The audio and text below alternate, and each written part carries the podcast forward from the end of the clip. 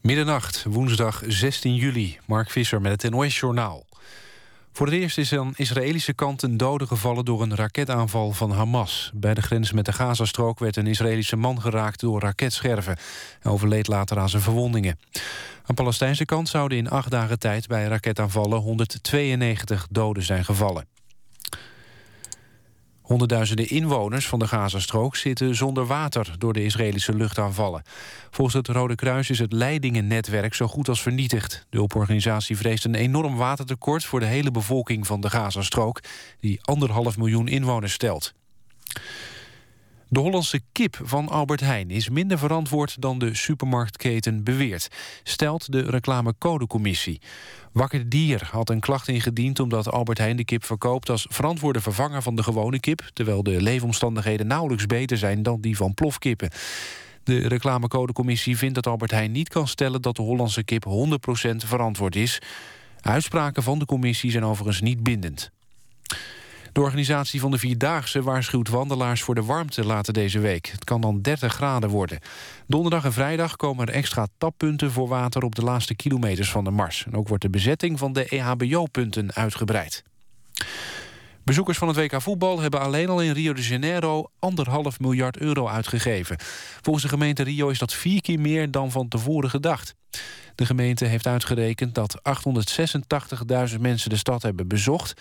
onder wie ruim 470.000 buitenlanders. De meeste van hen kwamen uit Argentinië. Het weer dan. Vannacht daalt de temperatuur tot ongeveer 13 graden... en er kan plaatselijk mist ontstaan. Overdag valt er nog een enkele bui in het zuidoosten. Verder droog en zon. Lokaal wordt het 25 graden. Later deze week loopt de temperatuur nog verder op. Dit was het NOS Journaal. Radio 1. VPRO. Nooit meer slapen.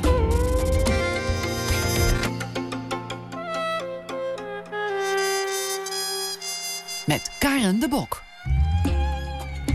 Goedenacht. Uh, wij gaan lekker een uur lang over moeders praten. En uh, dat doe ik hier met de acteur Sabri Sat El Hams. En straks in het tweede uur een gesprek met zangeres en actrice Lucretia van der Vloot. Binnenkort treedt ze weer op met haar Big Black, and Beautiful... het muzikale trio dat samen met haar Amerikaanse collega's... Michelle David en Rock E vormt. En ze gaan, we gaan bij een van die repetities kijken. En in het Franse Arles is het weer het jaarlijkse fotofestival Rencontre d'Arles. We spreken daar onder andere met de gastcurator Erik Kessels... die op uitnodiging van het festival een presentatie van de Nederlandse fotografie samenstelde. Maar, zoals ik al zei, ik ben heel blij dat hij hier is. De acteur en theatermaker uh, Sabri Sat El Hams. Uh, zondag teruggekomen uit Egypte. En we gaan het over moeders hebben, want je gaat een voorstelling maken in uh, 2015. Ja. Over jouw moeder. Over de moeder van Arnon Grunberg. En het wordt geregisseerd door Gerard Jan Reinders. Ja. De regisseur. Ja. Dat is een Joodse moeder. Dat weten we van Arnon ja. Grunberg. Hij schrijft er ook regelmatig over, ook in de krant. Jij hebt een moeder die moslim is, neem ik aan. Ja. En die woont in Egypte. Ja. Nou ja, ik heb uh, uh, een serie voorstellingen bedacht in uh, twee jaar geleden. En twee jaar geleden begon ik met de allereerste daarvan, Pax Hominis. En dat is een naar aanleiding en bewerking van het boek van Arnon Grunberg... De mensheid zijn geprezen. En dat boek hebben we bewerkt en gespeeld. En dat, is weer een lof, een, dat was weer uh, een lof op, lof op de mensheid. Uh, ja, van, Era, van Erasmus. Precies, ja. Ja, lof de zotheid. Lof de zotheid, ja. ja en, een repliek daarop, ja. klopt. En na het spelen van, tijdens het spelen van die voorstelling... maakte ik kennis met Arnon. En het viel mij ook altijd op, dat zei ik ook tegen hem tijdens het gesprek... Uh, hoe hij met zijn moeder, over zijn moeder spreekt... en wat zijn relatie is met zijn moeder. Dat ook een bijzondere relatie is en dat ik dat herkende. Uh, in mijn relatie met mijn moeder. En toen vatten wij het idee op om een voorstelling te maken over moeders. En Pax Hominis hebben we gemaakt en Pax uh, Deus. En dat zou dan dus Pax een, Mama. Ja. Pax Mama. Je maakt gewoon een vijfluik met Precies. allemaal Pax. Hè? Vrede ja, eigenlijk. Ja, verzoening. Uh, jouw thema, verzoening. Klopt. Over verschillende thema's. De mens, uh, God, Pax Deus. En nu Mama. En later Pax Europa, daarna. En Pax Arab zou ik dan mee, ooit mee eindigen. in 2016 en dan, uh, en dan, uh, dan mag ik dood. en dan heb je alles gedaan alles wat je wilde. Nee hoor, nee, er is nee, nog veel te doen. Nog ja, veel te doen. Ja. Maar uh, ja, Pax Mama is, is, is, is nu in de maak. En daarvoor was ook zijn uitnodiging, of zijn, zijn, zijn, zijn eis, zou ik maar zeggen. nou, dan moet je mijn moeder kennen. Ja. En dan ga ik ook met je mee naar, naar je moeder. Dan zeg ik, ja, is goed. Een afspraak bij deze. En hebben jullie eerst dan heel lang zitten praten samen over jullie moeders? Nee, we hebben niet zo heel lang gepraat. Nee, we, hebben wel, we hebben wel af en toe tijdens... Wij vragen altijd tijdens onze mailwisseling... hoe is het met je moeder? Altijd. Van, en dan gaat het goed. Of ja, dat was, was ziek, of ze is gevallen. Of uh, was, was er iets mee. En, maar nooit uitgebreid over... Uh, nee, over kleine dingen of details. Of zo. Ik dacht van, nou ja, dat, dat horen we dan... of dat zien we dan tijdens het maken van het stuk. En ik heb ooit die, uh, tijdens het, de kennismaking begon met, de, met zijn moeder. Dat ik dan naar zijn moeder ben gegaan. En in haar huis de monoloog De mensheid zijn geprezen gespeeld. Voor, haar, voor de moeder van, uh, Op haar verjaardag, 8 juni, een jaar geleden, uh, 2013. Een en privévoorstelling. Een privévoorstelling voor haar, ja. Memorabel. Het was... Het was uh, ik speelde de voorstelling voor haar. Arnold zat ernaast, op een bankje met zijn arm om haar heen. Af en toe speelde zij in zijn haar zo. En hij rustte op haar schouder. En daarnaast, uh, daarachter zat... Uh, zat nee, naast haar zat er inderdaad een Vietnamees, dacht ik, een Aziatisch verpleegster. Uh, die geen Nederlands sprak. Die niks van de voorstelling verstond. En een aantal vriendinnen van Arnon en uitgever, uitgeefster. En mijn technicus die zat daarachter uh, het licht te doen. Wat er en hoe was reageerde ze? Ja, tijdens de voorstelling kleedde ik me... En zijn zus, niet te vergeten. Mm. Zijn zus was er ook. En een orthodoxe, Joods-orthodoxe zus. En tijdens het uitkleden, want ik kleed me uit in de voorstelling... rende zijn zus de, deur uit, de kamer uit. Meteen naar boven, deur dicht en wilde met mij helemaal niks te maken. Ja, want de zus van Arnhem woont in, in, in, in Israël. Israël. met zeven kinderen, orthodox-Joods. Precies. Ja. En die was... Die, die, en Arnon had het een beetje voor de voorstelling gezegd, zo, maar ze dacht dat het een grap was. En, maar zijn moeder, dus die, de eerste reactie heb ik al gehad... van, zijn, van een radicale uh, reactie van zijn zus. En daarna vroeg ik aan zijn moeder, die de hele tijd heel braaf zat te kijken... maar als kip naar het onweer, met grote ogen... Bent u bekomen van, het schrik, van de schrik? Nee, dank u, zei ze. Maar vindt u het wat? Nee, het is niet aan mij besteed. Zei ze, heel lief. En heel beschaafd en heel aardig. En ik kleedde me natuurlijk heel snel aan. En ik dacht, nou ja, dat gaan we gewoon bespreken. Heeft u de tekst geschreven? Dan zei ik, nee, nee, dat uw zoon.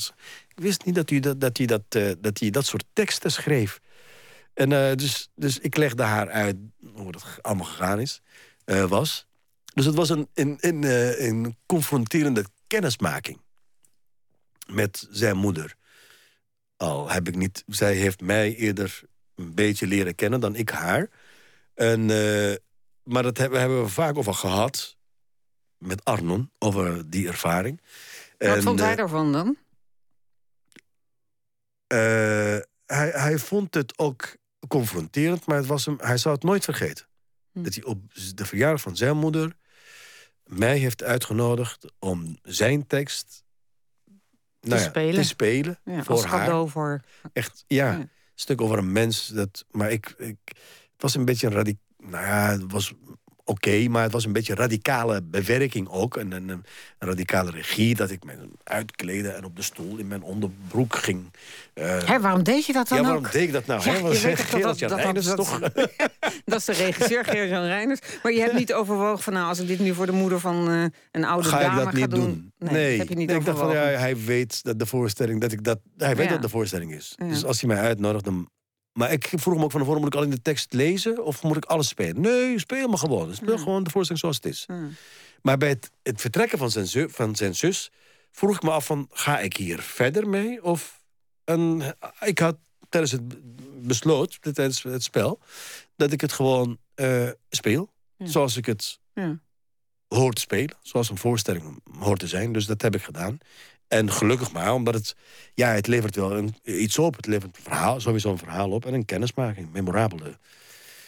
kennismaking. En, en heb je daar, zie je er nu veel? Ga je, ben je er vaker Nee. geweest? Nee, ik ben er wel. Nee, ik ben er niet van. Nee, Nee. ik ben er niet geweest. En Arnon Grunberg is nu met jou mee geweest naar jouw moeder. Ja. Hè, waar je net voor terug bent. Ja. En de regisseur Gerrit-Jan Reinders is ook mee geweest. Ja.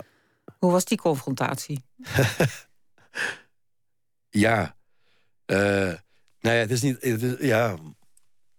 Mooi.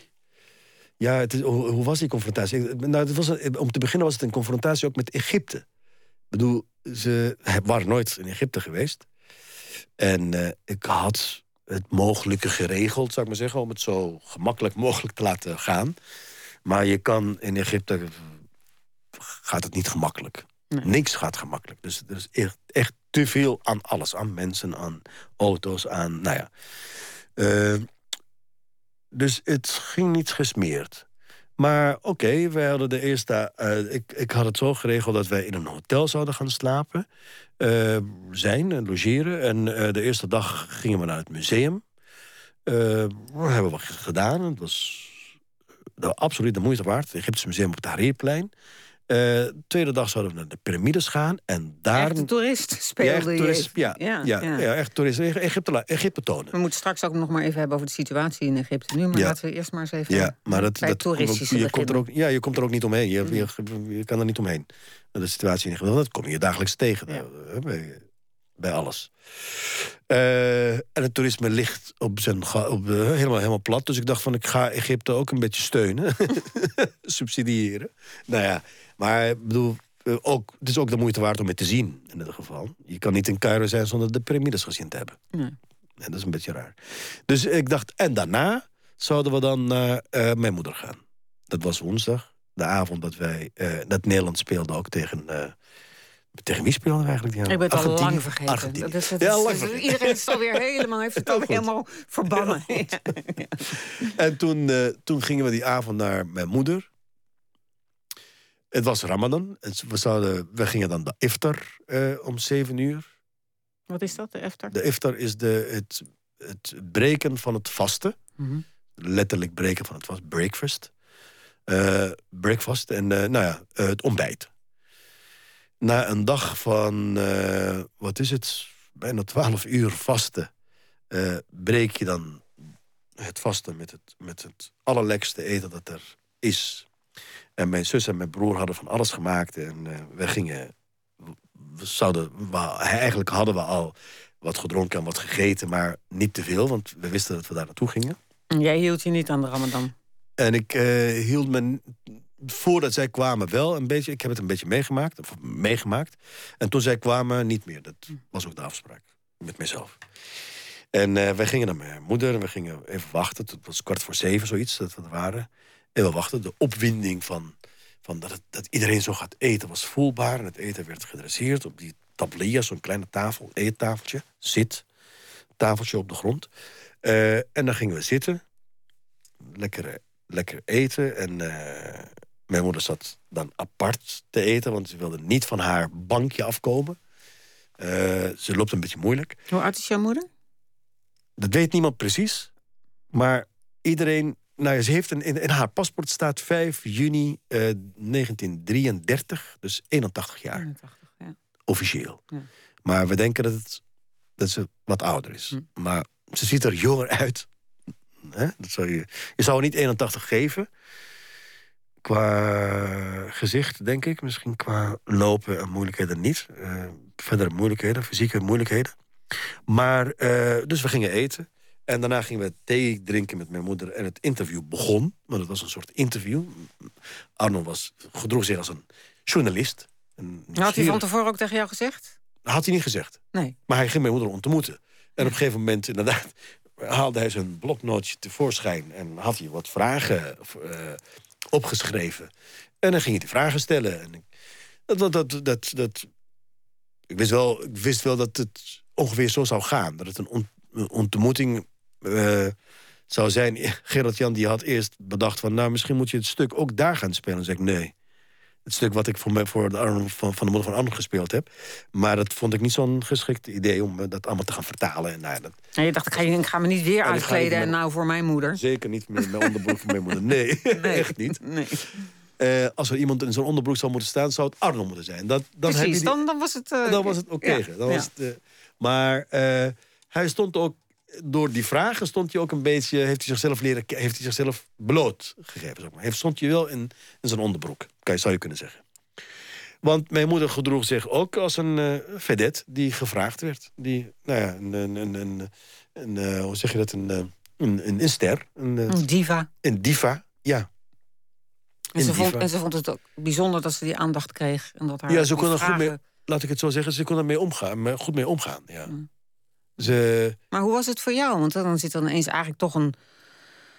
Ja, iemand die jouw moeder nog nooit heeft ontmoet. eh, die, die, die stelt allerlei vragen. En eh, jij, jij bent een beetje een eh, in-between. Je, je bent de zoon, maar je bent ook de tolk. Ja, nou ja, ja, nou ja, maar niet alleen dat, maar ook de maker van het stuk. Ook nog eens de maker van het stuk, Dus ja. ja, ik, ik, zat, ik zat inderdaad met al die rollen en die verantwoordelijkheid. Want ik weet wat de ene kant wil weten. Dus hè, als Arno een vraag stelt, weet ik wat, wat hij wil weten. En heb ik de neiging om een antwoord te geven. Maar ik denk, nee, hou je in. Dan, hè, geef geen antwoord. Geef het zo trouw mogelijk eh, aan haar. En leg het in haar handen. En laat haar dan het antwoord geven. Maar als zij een ander antwoord geeft... een wat een verdedigend antwoord... denk ik van ja, maar daar hebben wij niks aan. Bij wijze van spreken, voor het maken van het stuk. Nee. En toch vertaal ik dat. En dan zeg ik ook van, nou, maar daar hebben wij niks aan. Dus het is heel erg... Daarna was ik gespleten. Was mijn hoofd kapot, bij wijze van spreken. Geen helemaal gespleten. En maar wat voor soort vragen eh, stelde Arno? Eh, hoe de relatie was met mijn vader bijvoorbeeld. Of eh, zij ooit, of zij altijd mijn vader. hoe zeg je dat niet? mijn vaders wil volgde. Of zij af en toe een rebelse. Ik had af en toe wel wat verteld over hoe eh, eh, matriarchisch ons gezin, eigenlijk Egypte, in elkaar zit. Dat de vader in principe. eh, oogschijnlijk is de vader de baas. Ja. Maar het is de woordvoerder. Alle beslissingen worden binnenshuis door de moeder genomen. En dat heb ik verteld. En daar kwam hij met een vraag van... hoe rebels was jij, tegen mijn moeder, was u... tegenover de vader van Sabri? Ja. Dat was... Dat had, ik heb haar nooit... Want zijn moeder vroeg me ook van tevoren van... wat voor vragen krijg ik dan? Ja, dat wist ik niet. Hm. En hoe, wat moet ik dan? Zeg jezelf. Gewoon jezelf zijn. Dat is more than enough. Dat is, dat is echt, meer hoeven we niet. En als je jezelf bent, dan ben je prachtig genoeg. En dat was ook zo. Alleen, op dat soort vragen gaat ze zichzelf beschermen.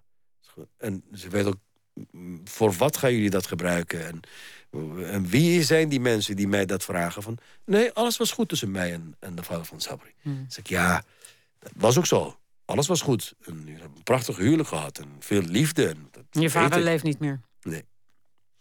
Maar eh, je was ook rebels. Een bepaalde soort... Hè, dus, dus, je, dus dat vertrouwen sprak ik haar ook eh, eh, in. Of gaf ik haar ook.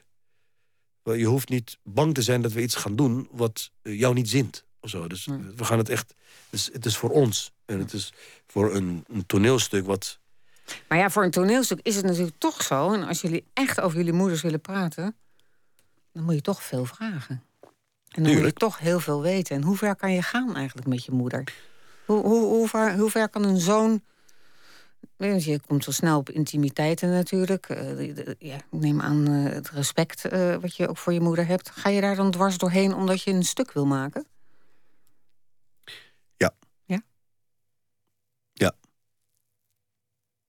Ja, ik bedoel, het is niet, ik, heb, ik heb altijd wel respect gehouden. En, maar je wil, wel, je wil wel iets weten. Dus.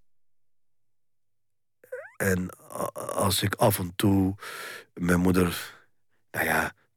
eh, de aandacht trok van. Want ze was bezig met andere dingen, andere mensen. Dus dan gaf ik af en toe eh, een beetje. Zo van, nou ja, corrigerende opmerken van... Nou, je hoeft niet met die mensen bezig te zijn. Wij zijn er toch? En, eh, hè? Zo. Dus normaal zou ik dat nooit doen. Hmm. Maar omdat het echt ja, geconcentreerd en het ja, bij wijze van spreken... eh, ik, ik, ik zag er het, de, de, het belang van het stuk of zo. Ja, Ja. Maar hoe is, je, hoe is jouw relatie met je moeder? Want je bent al hartstikke lang weg uit Egypte. Ja. Nou, je was op je 21ste uh, vertrokken. Je woont al heel erg lang in Nederland. Ja. Misschien moet ik ook tussendoor nog eventjes zeggen... voor mensen die denken, ik ken die stem. Maar waar ken ik hem van? Nou, je kan uh, uit allerlei uh, tv-series ook... Hè, pleidooi van vroeger, maar ook Levenslied, lijn 32, Paradijs. Heel veel toneelstukken gestaan, eigen theaterstukken. En uh, ook de films, Koning van Katoren. Ja. Ook nog. Ja. Ook nog ja. Even tussendoor. Maar hoe is die relatie dan met jouw moeder? Um, is er nog sprake van een relatie, als ik even heel hard mag zijn... als je ja, zo lang weg bent? Ja. Ja, dat, dat vraag je heel goed. Dat is wel heel goed. Maar er is wel sprake van een relatie, ja. Een bijzondere relatie ook. Ik bel haar vaak. Maar goed, het is, het is via de telefoon. Het is, maar is er, bedoel, bedoel... Dat komt ook zeker in het stuk. Het moment dat je besluit... Ik heb, ik heb een ongelooflijk... Ik, ik moet even erbij zeggen, dat komt ook in het stuk. Dat, dat waren ook van die vragen. Mijn moeder heeft mij gehad na het overlijden van uh, vier kinderen. Aan wie gedood? Vier kinderen? Vier kinderen. Ik bedoel, ze, heeft een, ze is in totaal tien keer zwanger geweest. En allemaal gezien. Geboren en namen gegeven. En, en, en in Egypte geef je de moeder de bijnaam. Dus ze heet met haar voornaam. Maar ze wordt om en dan de oudste geborene. Om Musabri. Maar ze is vier keer om iemand geweest. En iedere keer ging dat dood. Ging dat kind dood. En uh, dus ze verlangde... Ik was de, nou ja, eerste levende kind na vier keer... Uh, het waren de eerstgeborenen ook? Eerste geborene, ja. ja.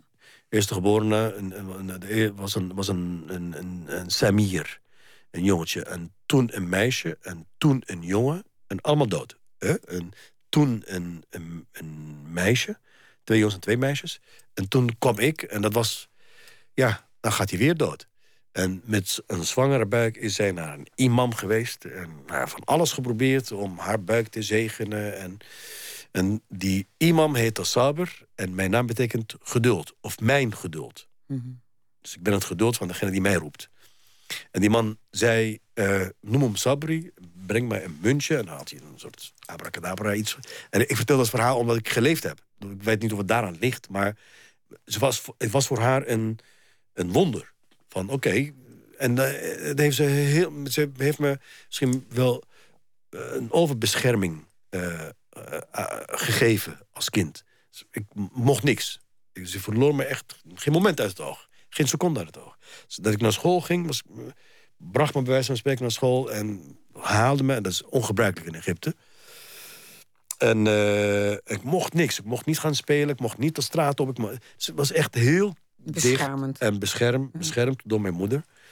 En daardoor heel close ook. Dus ik kende haar veel beter dan welke familielid dan ook. Maar dat is denk ik voor alle kinderen het geval. En ik kon alles met haar bespreken. De eerste verliefdheid heb ik met haar besproken. Niet gebruikelijk in Egypte. Je praat er niet over. Nee, is in Nederland ook niet overal even gebruikelijk... dat een zoon dat met zijn moeder bespreekt. Nee, Nee, maar dat deed ik wel met haar. En dat, dat, ze, was ook heel, ze ging er ook heel wijselijk mee om. Maar toen ik besloot om uit Egypte te gaan... was ook niet een, was een besluit om Egypte te verlaten... omdat ik me eenzaam voelde. In die, maar ook met haar kon ik niet, kon ik niet verder, om het zo maar te zeggen. Je had het benauwd. Ja. Ja.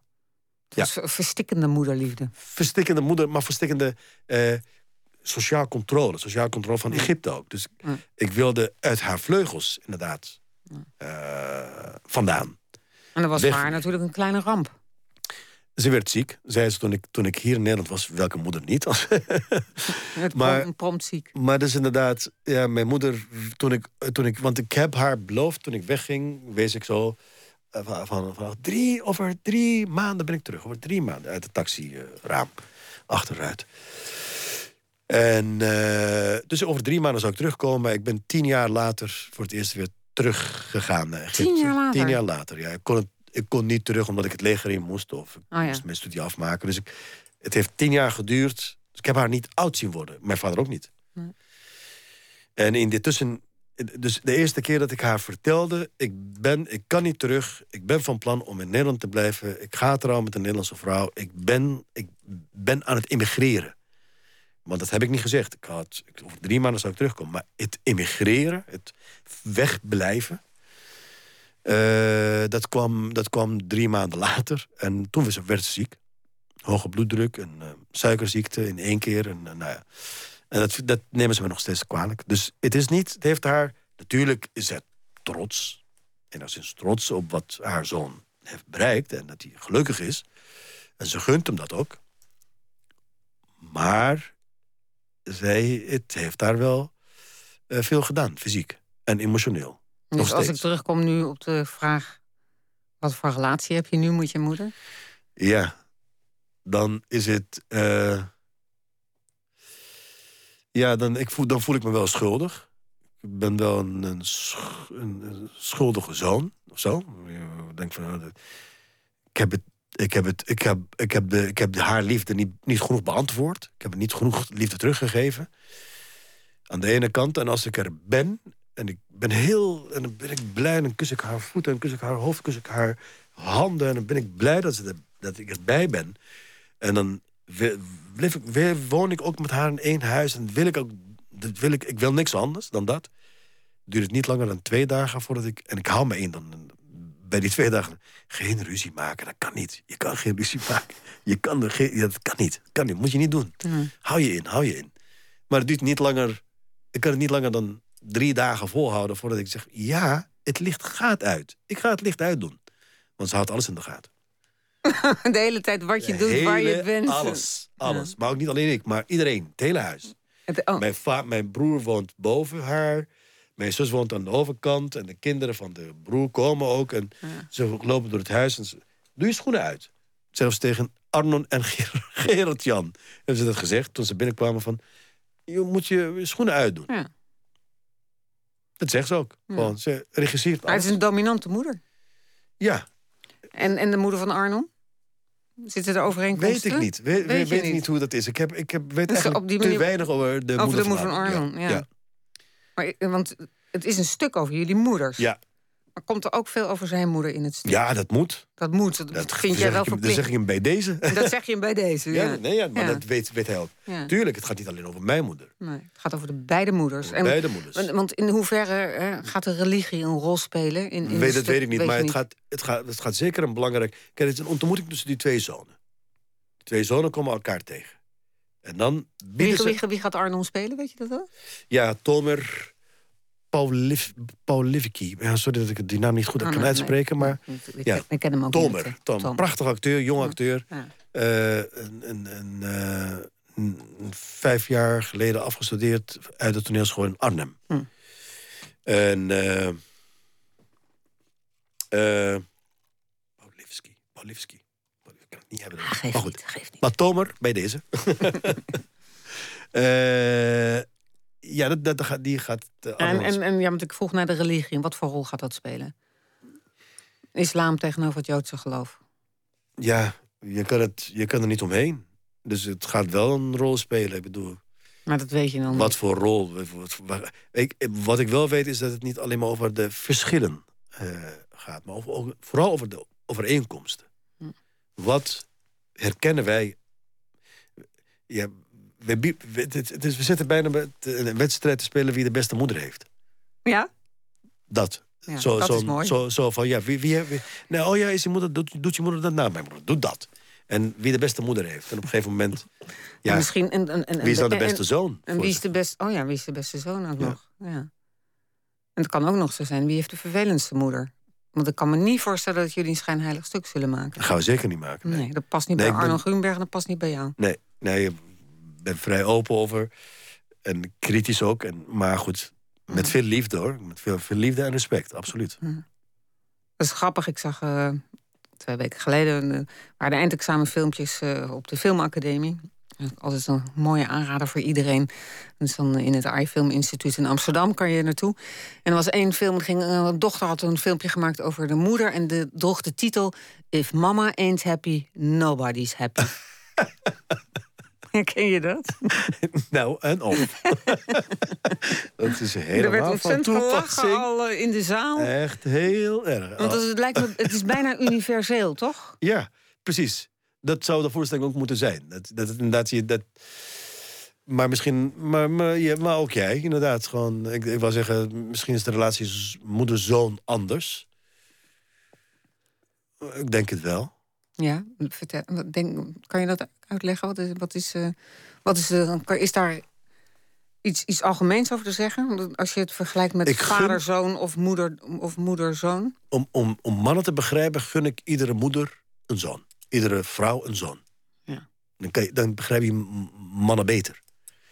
En dat is bij, bij vrouwen, maar bij, ja, bij mannen ook. Bij, om, om vrouwen te begrijpen, gun ik iedere vader een dochter. Maar de, de, de, in, eh, de relatie moeder-zoon is wat, wat intiemer dan vader-dochter. Het is alsof de, daar meer een taboe bij komt. Van Ja. vader-dochter, dat mag niet te intiem worden. Maar een moeder-zoon, het, ik heb het niet over fysieke intimiteit, maar, eh, maar zelfs dat. Ik bedoel, ik, ik lig nog steeds waar de heren bij waren. Met mijn hoofd op de sch- sch- schoot van mijn moeder. En mijn moeder aait me en ze leest iets uit de Koran en zegent mij en beschermt mij. Zegt van, nou, ik hoop dat dat en dat. Nou ja, Ja. ja. Ja. ja dat zie ik minder gebeuren bij mijn, bij mijn eh, zuster. Ja. Bij- En mijn moeder. Ja. Die hebben toch meer, iets, meer concurrentie of zo. Of meer, Ja. ja. Heb je zelf eh, een zoon? Ik heb twee zoons en twee dochters. Hm. Ja. Ja. En ik, ja, ik zie dat ook wel bij eh, moeder-zoon. Ja, mijn oudste zoon en de jongste zoon ook... noemen hun moeders moeder. Dat vind ik zo mooi. Ja. Dus de, het is letterlijk de vertaling van... het is niet mama of... maar moeder. De vertaling van ommi. Mijn moeder, zeg ik altijd tegen mijn moeder. Dat, is, dat vind ik zo mooi groot. Moeder. Moeder. Moeder, moeder. ja. Zullen we even naar muziek luisteren? ja, lekker. Er is een nieuw album uit van Fink, de band rond de Engelse zanger-gitarist Finn Greenell. En als voormalige DJ maakte hij ooit de overstap van elektronische muziek naar het singer-songwriter-genre. En we gaan luisteren naar het titelnummer van Fink's vijfde album, Heart Believer.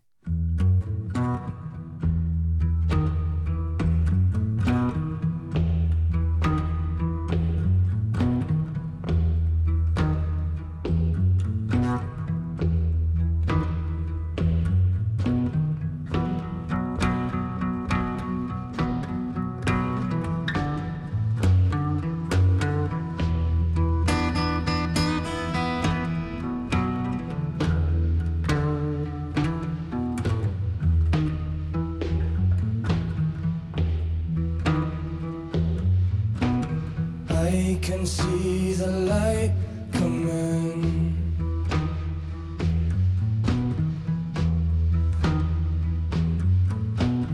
I can see the light coming.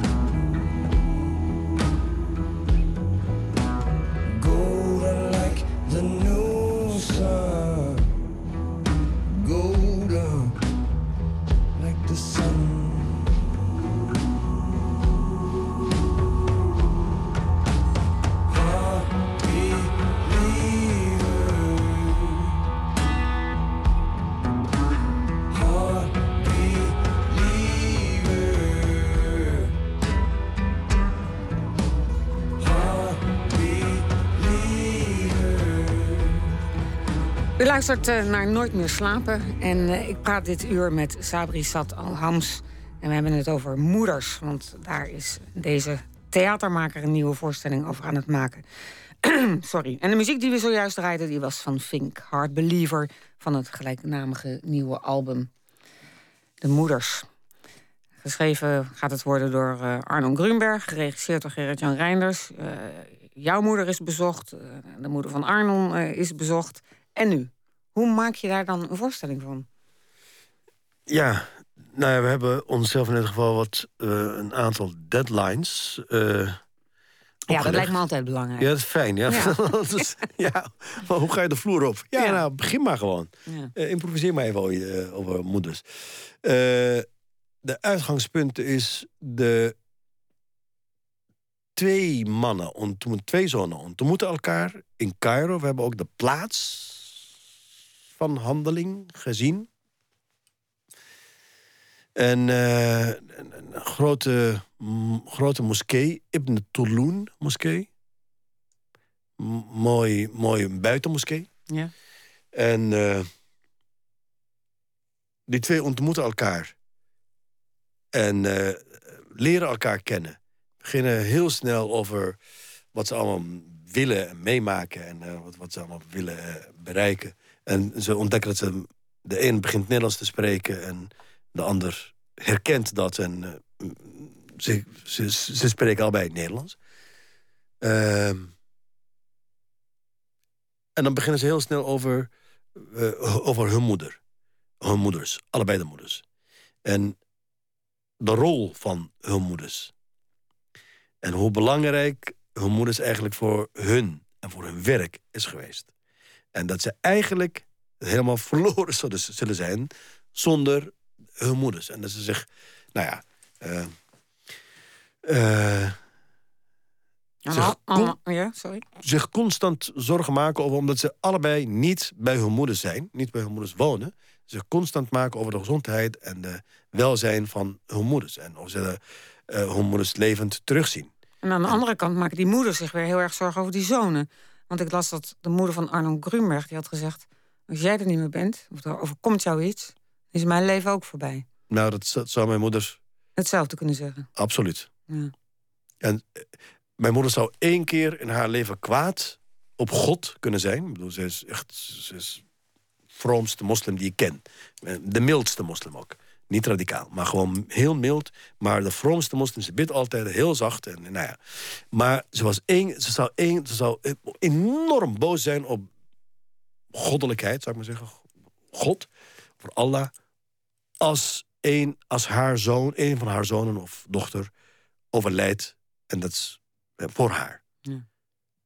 Dat, dat, Hm. Maar goed, dat, dat, nou ja, dat, dus hoe dat stuk gaat, gaat, gaat worden... dus de, de, moeders gebeurt, de, de moeders gebeurt niks. De, de moeders komen niet te overlijden. Of de zonen te overlijden komen, dat gaan we nog meemaken.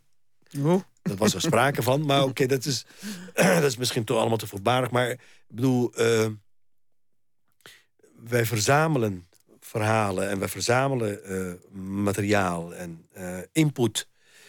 En eh, 15 september is de eerste versie, die wordt dan gelezen. En daar reageren we op.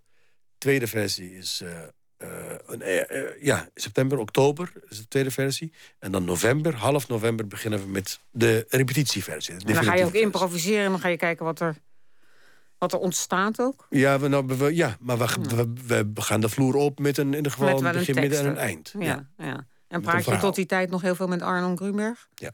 ja. En hij met ons en hij Ja. eh, mailt en hij, Hij gaat ook een boek schrijven over zijn moeder, hè? en hij gaat ook een boek schrijven. Hij gaat Ja. ook zijn, of hij leeft, nu, of hij woont nu, of hij gaat wonen bij zijn moeder. Hmm.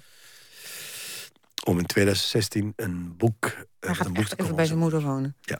Dat is ook heel wat als je in New York woont en nu is hij even bij je moeder. Ja. Krijgt, hij krijgt vast hetzelfde als jij na, na, na twee dagen dat je denkt... eh, Vra- het- het vraagt me af. je niet overal mee. Ja, nou ja, dat kan niet anders. ja.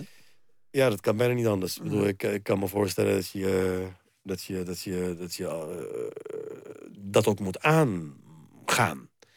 Dat je die confrontatie ook niet uit de weg moet gaan. Nee. Het deed me denken aan de tijd dat ik er was. Toen ik, toen, toen ik in Egypte was. Ik, dat was niet alleen maar eh, ja en amen. Maar gewoon af en toe bam tegenover elkaar staan. En we zijn allebei, eh, we zijn allebei sterk. Ik bedoel, we- niemand gaat ontwijkt de ander. En eh, nog steeds niet. Dat doet zij ook niet, nog steeds niet. Mm, mm. Als ik zeg van ja, gaat, ja, maar je doet het nog niet. Dan zeg ik, ja, ik ga het zo doen. ik ga het licht. Als, je, nou, eh, eh, als we het dan over Egypte hebben, want jij bent al drie weken geweest in het totaal. Ja. Ja, we weten ook, eh, we hebben je toen ook op tv kunnen zien bij Pauw en Witteman. Hè, toen eh, Mubarak uiteindelijk viel in 2011. Nou, de Arabische lente, dat iedereen zo ontzettend goede hoop had. En nu, hoe is het nu dan voor jou als je daar rondloopt? Heb je nog hoop of wind je alleen maar verschrikkelijk op? beste antwoord dat ik kan geven is een citaat dat mijn moeder gegeven heeft toen wij dat haar vroegen. Toen ik haar dat vroeg. Toen ik, toen ik er was. Van hoe is het nou? En dat vroeg ook Arnon toen, toen hij er was. Egypte. Egypte. Is er nog een Egypte? Bestaat er nog een Egypte? Dat is vrij deprimerend en een, een, een pessimistisch eh, antwoord. Eh, en weinig hoopgevend. Maar dat meent ze. Ook in haar, op haar leeftijd is het pijnlijk om te zien hoe Egypte eh wegglijdt tussen de vingers van de machthebbers. Dat is wat er echt gebeurt. Of nou welke machthebber er ook. Zelfs Sisi. Ik ben Ja, dat is nu de, de legerleider die aan, De aan de macht ja. is, hè? Ja. na Morsi. Eh, nou ja, ik was enorm blij met. Kijk, achteraf kan ik zeggen: het is nog steeds goed dat het gebeurd is. Maar ik, ik luister naar een taxichauffeur of een, ik luister naar eh, eh, mijn broer, die zegt het ook. En verbaast mij niet dat zij dat zeggen, terwijl ze toch wel bezig, ter- terwijl ze voor de revolutie waren, voor de, het, eh, het afzetten van Mubarak. Geef ons de tijd van Mubarak. Dat was nog beter. Ja, dat zeggen ze nu. Dat zeggen ja. ze nu. Ja. Want, oké, we hebben gevochten voor de vrijheid... maar de vrijheid kan wel wachten. Die vrijheid, ik bedoel, hij, hij onderdrukte ons wel... maar, we waren aan het werk. We hadden veel meer werk dan nu.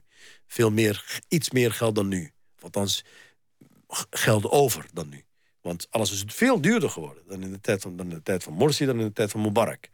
En het gekke is dat een, een jaar geleden werd iedereen boos en ging iedereen de straat op omdat Morsi alles duurder heeft gemaakt. En nu Sisi alles nog duurder heeft gemaakt. De benzine is dubbel zo duur als in de tijd van nou, een jaar geleden. Eh, verwacht ik wel iemand, ver- verwachten veel mensen de straat, dat veel mensen de straat op gaan. Maar dat hoor ik niet om me heen. Iedereen heeft Er zijn geen demonstraties meer. eh, Nee, die, die, die, nee. eh, er zijn geluiden die zeggen van nou, hij maakt het niet af, die vier jaar. Gaan mensen de straat op, eh, het, het, opgaan. Komen demonstraties, maar er zijn ook mensen die zeggen van nou, ik, ben, ik ben het moe. Murf. Ik ben het zat. Ik, ik wil gewoon Ja. aan het werk en ik wil gewoon Ja. dat de toeristen komen. En ik wil dat, dat, dat het land weer een beetje hè, eh, op kracht komt. En laat die demonstraties en laat die vrijheden. En laat dat gedoe. Dat is een luxe, luxe probleem. Die kunnen we voor- voorlopig niet hebben. We Hm. kunnen even zonder vrijheid. Daar, zo praat iedereen. Dat is, dat is, Hoe is dat voor jou om dat dat is, te dat horen? is eh, vreselijk om te horen. Ja, want jij was zo ongelooflijk gelukkig, klonk je toen ook. Ja. Want je, het was ongelooflijk dat jij de dag voordat Mubarak Ja. aftrad aankwam. Ja, Ja, dat dat je dat, dat- meemaakt en dat zo Precies. historisch voor je was. En, absoluut. ja. Dat ik dat inderdaad bijna alsof ik daarop had gewacht. Of zo, 35 jaar lang. Ja. Want ik was ook te, vocht ook voor die vrede. Maar ik heb altijd gezegd, sinds die tijd zeg ik... er zal nooit een Arabische lente komen... of een, een verbetering in de situatie in Egypte, de politieke situatie in Egypte... zonder de vrouw. Zonder de seksuele revolutie. Ja, dat denk Als je. dat niet ver- ja, dat weet ik zeker. Als dat niet verandert, dan verandert niks. Hmm. Want alles is, heeft er zo heel erg mee te maken. Met, met, met de energieën van de mannen. De jonge mannen die op straat rondlopen... zonder dat ze kunnen trouwen. En de, de, wat we gezien hebben de, op het Tahrirplein... de eh, aanrandingen en de... Maar ook de je bent tussen je twintigste en je dertigste en de kracht van je leven... en je bent alleen met één ding bezig als een ezel aan het werk...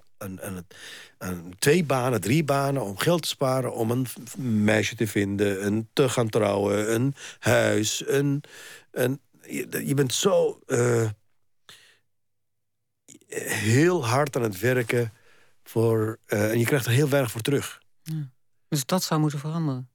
En dat kan veranderen. En het kan alleen maar veranderen van dat je niet slaaf wordt van, van die eh, traditie die zegt, dat zegt van seks voor het huwelijk mag niet. Je mag elkaar niet leren kennen. Je mag niet, je moet wachten tot je trouwt. Je moet, eh, meisje moet maagd het huwelijk in. Niemand houdt zich daaraan. Of eh, officieel wel. Maar iedereen weet dat het, dat het niet gebeurt. Dat het Nee. anders gaat. Dat Ja. maar maak het dan, maak het, accepteer dat dan. Eh, eh, het, het lijkt alsof Egypte met een deksel in, in een pan ligt te koken met een deksel erop. En de deksel moet eraf. En ik dacht met de revolutie van 2011 dat, dat, dat de deksel eraf was. Maar dat is niet waar. En het deksel gaat er alleen maar af als die energie van, die, van, de, van de kept, zeggen wij, de onderdrukking. De echte onderdrukking is niet van het systeem, maar van de mensen zelf. De mensen on- onderdrukken zichzelf. De tradities, de sociaal... Wat, waar ik voor ben weggerend, ooit, weggevlogen... om de ogen die op je gericht zijn. Van, je hebt het licht niet uitgedaan, je, hebt, je kleedt je raar uit... Je, je haar is anders, je haardracht is anders... je hebt een korte broek aan in- op straat. Hoe kan dat nou? Eh, nou ja, en, en bij een jongen, dus laat staan bij een meisje. Dat is helemaal... Maar verwacht je dat, dat, dat dit, deze, zo'n verandering kan plaatsvinden door de vrouwen? Wij worden? De zonen worden opgevoed, de mannen, de zonen Ja. worden opgevoed Ja. door moeders. Ja. En dan zijn we weer rond. Dan zijn we, dan zijn we weer heen. En, Ja. want dit is dus ook een thema van je toneelstuk. Absoluut, Ja. Absoluut. Ja. De moeders, de vrouwen zouden Oh, kunnen eh, zorgen voor een... Dat zeggen wij in Egypte ook, dat is een spreekwoord. Dat eh, eh, al-ummu madrasatun aadattaha shaban tayyib al-akhlaqi. Eh, Moeders zijn een instituut. Ik wil niet alles op de moeders leggen, op de schouders van de moeders. Maar dat is, ergens is het wel het geval. Als je, als je moeders... Als de moeders eh, de, de familie of de zonen goed opvoedt... heb je een, een voorbeeldige natie. Worden zonen de- door hun moeders nog heel erg als prinsen opgevoed? In sommige gezinnen wel. En hypocriet, eh, ja, ja, ja, ja. Zonen mogen veel meer dan Ja, dan de dochters. Dochters. Ja. helaas. Ja. En dat zou moeten veranderen. Dat zou, dat zou moeten veranderen. De, de, de, de gelijkwaardigheid van de kinderen en eh, het opkomen voor je dochter zou plaats moeten vinden. Ik heb het meegemaakt. Ik heb het gezien. Ik ben ook kritisch nu op mijn gezin. Maar ik heb het gezien. Ik heb het meegemaakt van het verschil tussen... Ik, als ik een meisje was geweest, was, ik, was, ik, was mijn moeder hier naartoe gekomen om mij te halen. ja. Helemaal geen drie maanden naar Europa. Niks, geen drie maanden. Nee, überhaupt geen geld lenen. Om mij voor drie maanden naar Europa te laten gaan. Never. Geen sprake van. En als dat was gebeurd, om, hè, voor wat voor reden dan ook... dan zou er bij binnenkomst al een, een, een, een ma- maagdenvliezentest, of zeg je dat? Plaatsgevonden. moeten plaatsvinden om te kijken of wat ik, wat ik allemaal uit, heb uitgesproken. Ja. Nou. En die, en die gelijkwaardigheid, dat moet, het moet recht getrokken worden. Het moet, het de Maar, zie, van de maar zie je iets van verandering Nee. dan? Nee. Nee, Oh. nee, dat is, dat is deprimerend. Dat is, dat is, nee, nee. Dat is, dat is echt frustrerend ook. En dat, het zal nooit veranderen voordat dat gebeurt. Gelijkwaardigheid van de vrouw moet plaatsvinden in de Egyptische maatschappij, in de Arabische maatschappij. En anders gebeurt er niks. Anders blijf je alleen maar een, als, een, als een geblinde ezel in een cirkel rondlopen... zonder dat je weet waar je bent. Of, En dat is... eh, bedoel, ja, er is wel hoop. Zijn, eh, vrouwen moeten het zelf doen. Dus die, die revolutie moet het, je, je, het wordt niet gegeven. Je moet het gaan grijpen. Ja. Er zijn wel stemmen. eh, dat- Dus in die zin gebeurt er wel iets eh, bij jongen, maar niet genoeg. Maar niet genoeg. Niet genoeg. Dat Hoe, zou, hoe is het dan weer voor jou? Want dan ben je er drie weken. En het is natuurlijk je land ook. Ja. Ja, Nederland is waarschijnlijk ook gewoon je land. Ja. Je hebt echt twee landen. Dat is ook een soort raar verscheurdheid, ja, lijkt mij. Maar dan ben je daar geweest, dan ben je ineens weer hier. Hoe moeilijk is dat? Dat, dat heen en weer het is gaan. precies het verschil tussen je moeder en je vrouw. Nederland is mijn vrouw. Hm. En Egypte is mijn moeder. Dus het is, het is dat. Dus als je naar Egypte gaat, ga je naar je moeder. En verscheurd kom ik terug van... het gaat niet goed met mijn moeder. Het gaat niet... En toen ik, in- toen ik daarom was ik zo blij. Toen het goed Ja. ging met mijn moeder. Ah, iedereen wilde Egyptenaar zijn. Op die dag. En, en ik was het. Dus, eh, en toen ik, toen ik dus dat, ja, die, die, die strijd is er altijd. Als ik, als ik terug ben, ben ik blij om terug te gaan. Maar ik- ja, ik huil emmers vol tranen. Om afscheid te nemen van mijn moeder. Van mijn, van mijn echte moeder. Ik bedoel, van mijn Atiyat, van Omme Sabri. En eh, dat wil ik dan niet... Ik wil haar niet verlaten, omdat ik niet weet hoe, of ik haar levend terugzie. En eh, krijg ik, krijg ik een. Dat is, dat de grootste angst waar je dan mee leeft als je hier bent. Als, als je niet bij haar bent. Is dat je gebeld wordt en dat het te laat is. Dat je, dat je haar niet levend terugziet. Maar goed, dat hè, ik heb gezegd van... zodra ze bij wijze van spreken zwaar verkouden is... wil ik het horen. Dat ik op tijd kan zijn en Dan word je gebeld. en dan ja, dan word ik gebeld. En zeg van, oké, hoe ernstig is het? Ja, dat, dat, dat gebeurt ook. Ja. Want met mijn vader is dat niet gebeurd. Dat heb je niet meegemaakt. Ik heb, mijn ik heb, nee, ik ben, dat heeft mijn moeder dan voor elkaar gekregen... dat ik inderdaad tien dagen later het te horen kreeg. Want ik, eh, ja, ik kon er toch niks aan doen. Zij had hem wel de beste begrafenis gegeven... en eh, Ze heeft je niet gebeld. ze heeft me niet gebeld. Wat is dat dan? Is dat een, ja, een bescherming? bescherming. Ja. Toe- Moeder- maar te veel bescherming. Dat, dat je denkt van, laat mij die beslissing nemen. ja. Geef het maar gewoon aan mij. Laat Ja. mij die beslissing nemen. Ik ben volwassen genoeg om te weten van... oké, kom ik of kom ik niet. Maar Was, ze je, weet niet was wat- je niet woedend? Ja, Ja. ja, en hoe? Heel erg woedend. En haar antwoord was, van, je maar huilend ook... "Maar ik heb je vader goed begrepen. Ik heb voor je vader goed gezorgd. En wat kan je doen? Want ze zegt van, nou, ik kom nu. Ik kom nu naar Egypte. Ik pak mijn koffers en ik kom. En ze zegt, je komt voor een dicht graf. Je kan je vader niet uit je, zijn graf halen en opnieuw begraven. Nou ja. Maar dus dat wil ik allemaal niet meemaken. En dat heb ik ook haar verteld. Ik wil dat niet nog een keer meemaken. Dus, en mijn, mijn broers, mijn broer en mijn zus die daar nog wonen. Zodra ze zwaar verkouden is, wil ik het horen. En is het aan mij om te beslissen van ik kom of ik kom niet. En, en naar aanleiding van het gesprek weet ik, kan ik zelf inschatten van oké, nee, ik moet gaan. En dat heb ik ook iedereen hier verteld. Iedereen waar ik mee werk, waar ik mee woon. Ik ben weg. Ja. Al heb ik première. Ik ben weg. Ja. Nou ja, ik hoop dat het niet zo... eh, Nee. ik hoop dat ik daar ben als het, Als het gebeurt. ja, als het gebeurt. Want kijk, dood gaan we allemaal. En dood... Je, je denkt dat... Iedere keer dat ik daar ben, denk ik van... Nee, en ik ga weg. denk ik ook van... Nee, ze, eh, ze is nog sterk. Ze heeft het eeuwig leven. Dat, maar die dag gaat komen. Hey, Heeft dat er ook mee te maken dat je nu het zo belangrijk vindt om toch een, een theaterstuk te maken over haar? Misschien onbewust, ja. Ik wi- wilde altijd wel mijn moeder gaan spelen. Ik wilde ooit een stuk maken over mijn moeder. En toen... eh dat is ook vaak gebeurd. Hè. Ik bedoel, ja... Veel acteurs hebben dat gedaan. Ja.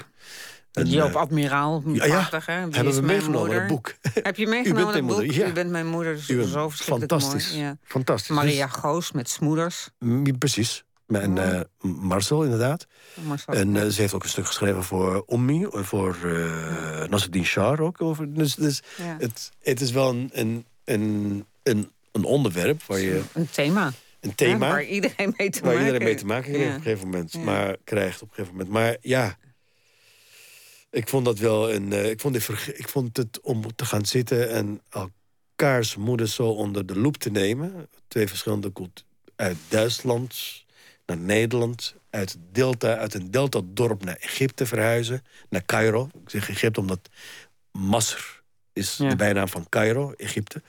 Dus die twee vrouwen die zo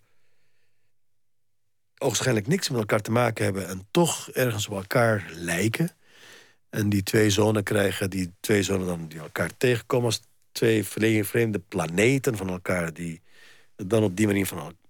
Het moet wel een spanning opleveren... Dat, een dramatische spanning dat bruikbaar is voor een toneelstuk. Dat denk ik ook. Ik kan nog even iets heel anders. eh, we hebben niet zoveel tijd meer.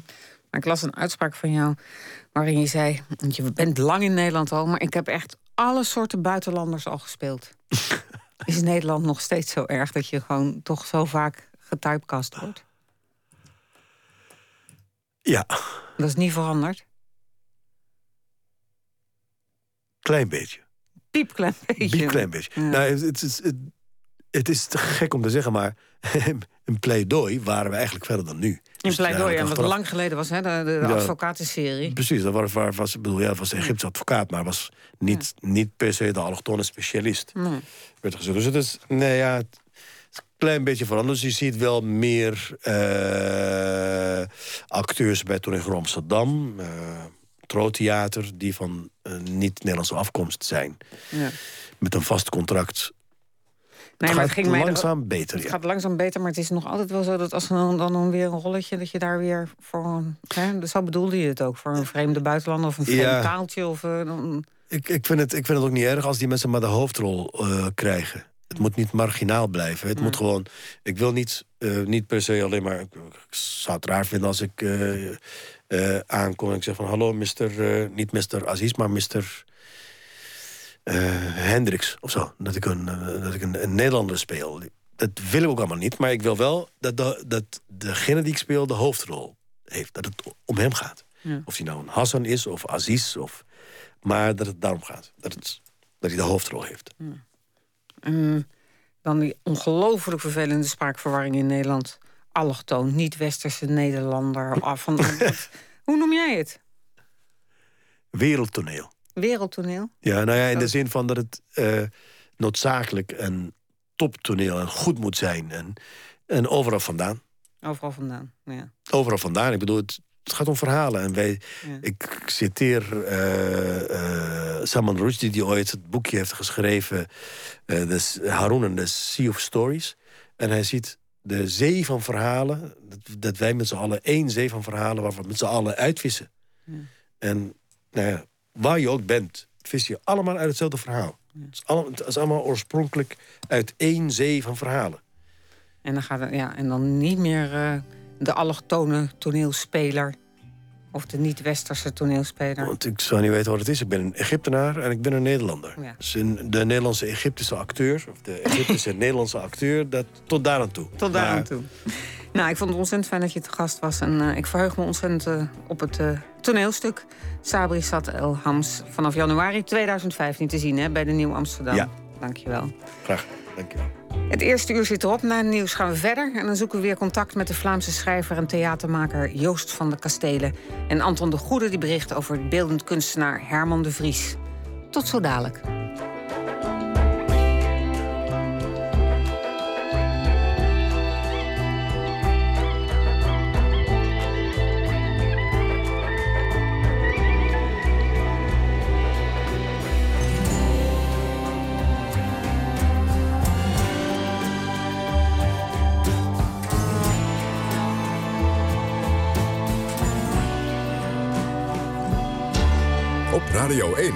Het nieuws van alle kanten.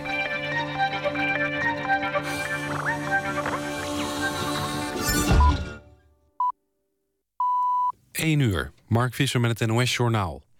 De vijf opkomende economieën die de BRICS-landen worden genoemd... zijn het eens over de oprichting van een alternatief... voor de Wereldbank en het IMF. De ontwikkelingsbank krijgt een startkapitaal van 100 miljard euro. De regeringsleiders van Brazilië, Rusland, India en China... vinden dat de Wereldbank en het IMF te veel oog hebben voor westerse belangen. Op een top in de Braziliaanse stad Fortaleza kwamen de vijf landen nu tot een akkoord. De BRICS-bank zal onder meer leningen verstrekken voor infrastructurele projecten in ontwikkelingslanden. Dat moet nieuwe financiële crisis voorkomen en bestrijden. Het Pakistanse leger zegt dat het een grote slag heeft geslagen in de strijd tegen de Taliban. Bij de grens met Afghanistan is Taliban-commandant Adnan Rashid gearresteerd. Bij een vuurgevecht voor de arrestatie raakte Rashid gewond. Hij zat jaren vast voor een aanslag op toenmalig president Musharraf. Hij ontsnapte in 2012 uit de gevangenis... nadat hij was bestormd door aanhangers. Onder de 400 gevangenen die weg konden waren veel Taliban-strijders. Rashid is ook bekend van zijn berichten op internet en een open brief... waarin hij de aanslag op het schoolmeisje Malala verdedigde. De luchthaven van de Duitse stad Stuttgart wordt vernoemd naar de zoon van nazi-generaal Erwin Rommel. Manfred Rommel, die vorig jaar overleed, was 22 jaar lang burgemeester van Stuttgart van 1974 tot 1996. Het bestuur van de luchthaven wil hem daarvoor eren. Critici vrezen dat vooral veel buitenlandse reizigers bij het horen van de naam van het vliegveld moeten denken aan zijn vader, die een van de belangrijkste generaals was van Hitler. De huidige burgemeester van Stuttgart omschrijft Manfred Rommel als iemand die meer dan ieder ander stond voor tolerantie. Volgens de burgemeester was het bestuur van de luchthaven ervan overtuigd dat het vliegveld de naam Rommel moest krijgen. Het weer, het is droog, plaatselijk kan nevel of mist ontstaan. Overdag geregeld zon en op de meeste plaatsen dan ook droog. Alleen in het zuidoosten kan nog een bui vallen. Het wordt maximaal 25 graden. Dit was het NOS Journaal. Radio 1. VPRO. Nooit meer slapen.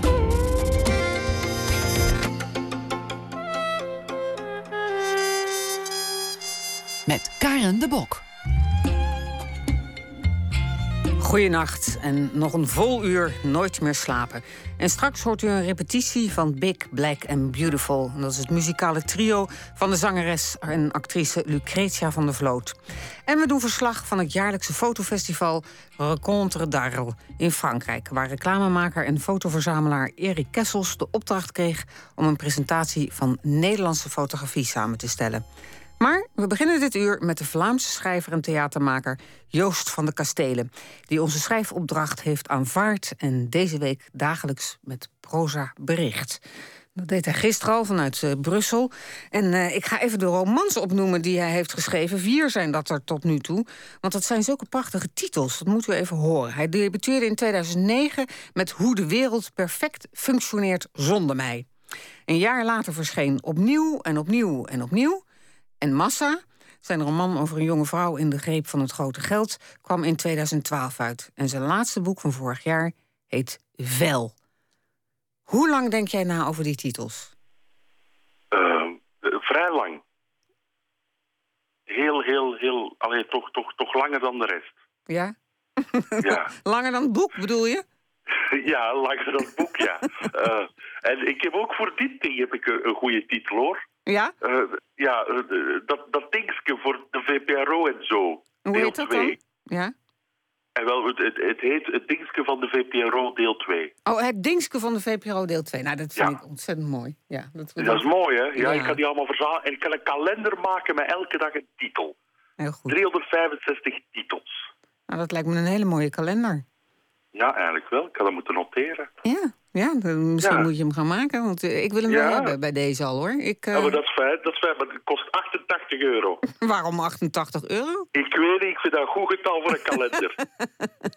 Ik zou zeggen, ja, oh ja, nou ja, 365 kan ook. nee, zeg, zeg, dat moet echt goede titels zijn. Nee, Ja. omdat er 88 goede titels in staan en de rest is vulling. Oké. Ja, Dus je dat- betaalt voor de kwaliteit. Goed. Goed, eh, Joost, eh, gisteren zat je in Brussel en eh, toen vertelde je over de staat van België. En, waar ben je Ja. nu? Ik ben nu in Brussel, want ik woon in Brussel. Oh, je bent gewoon weer in Brussel. Ja. Ja, so- ja sorry om u teleur te stellen. Ik in Ja, ik dacht, misschien woon. zit je wel op een hele andere plek. Ga jij dwars door, door België heen, omdat je zo vertelt over België? Ja, het had gekund. Nou, ik heb wel een tochtje gedaan vandaag. Ik, had- ik had het daarover. Ik heb, ik heb wel een soort reis gedaan vandaag. En ik, ik heb daarover geschreven. Nou, begin. mijn avontuur. Nou, Mag ik beginnen? ja, heel graag. Oké, dus de titel is Dat dingske voor de VPRO, deel 2. Ah, ik beken. Ik heb soms werk. Voornamelijk korte opdrachten zoals deze. Ik ben zelfs verslaafd geraakt aan korte opdrachten. Aan het ritme van een dag werken en de roes van een dag betaald te worden. Ik schrijf iets en er is instant publicatie. Er zijn geen interviews, geen verkoopcijfers, geen recensies aangekoppeld. Gewoon iets schrijven, doormailen of voorlezen en het is voorbij. Ik mag slapen, opstaan en hoop naar het volgende. Alhoewel zelden leidt de ene opdracht naar de volgende. Het is moeilijk om dat niet persoonlijk op te vatten. Daarom zeg ik ook op alles ja, bang op de bron ooit droog aan te treffen. Maar op de dagen zonder een opdracht ben ik werkloos. En om die werkloosheid te verantwoorden moet ik soms naar de vakbond, dienstartiesten. Dat is dicht bij het treinstation Brussel-Zuid. En in die wachtkamer zitten we dan, de culturele elite. We zitten daar ook allemaal, want het is weer stamvol. En dat betekent meer dan twee uur wachten om dan een wachtuitkering te mogen krijgen. De deur rechts zijn de kantoren voor de artiesten. Links voor de havenarbeiders en andere zware beroepen. Maar in de wachtkamer wachten we allemaal samen. En zoals de freile danseres die tussendoor wat stretcht. Misschien moet ze dat straks tonen om te bewijzen haar cv nog up-to-date is. En naast haar zit een gigantische man met tatoeages en een kaalgeschoren kop, die ook bij de dienstartiesten moet zijn. Want misschien is hij ook een danser. Want er zijn veel dansers in Brussel. Met als voordeel dat in de Brusselse cafés de meest lenige diensters werken. Die gracieus tussen de tafels glijden en fantastisch kunnen vallen. Want zo werkt werkloosheid. Om te bewijzen dat je werkloos mag zijn, moet je af en toe wat werken en dan lang wachten in een wachtkamer. Maar gelukkig telt die twee uur wachten ook als bewijs van contacten leggen binnen de branche en ben je eigenlijk aan het werken tijdens het wachten. Voilà. Ik ben nu al een enorme fan van je verhalen. Ik verheug me helemaal op Dit morgen. Dat is de realiteit. Ja, nou, maar dat- die beschrijf je heel goed. Dat is goed. Oké. Dat is goed. En, wel, en morgen kom ik terug. Alleen zit ik terug. Ja, met moet je maar bellen. Ga je mij bellen morgen? ja, met het dingske voor de VPRO nummer 3. Dat weet ik nog niet. Nee? Oké. Joost van de Kastelen, dankjewel. Tot morgen. Tot morgen. Big Star was een Amerikaanse band en die is opgericht in 1971 door voorman Alex Chilton. En critici die waren echt lyrisch en de bluff van de band leek zich uit te betalen. Maar toch, dat grote succes bleef uit. In 1975 verliet gitarist Chris Bell de band. En drie jaar later verscheen van hem een solo-single met daarop dit nummer: You and Your Sister.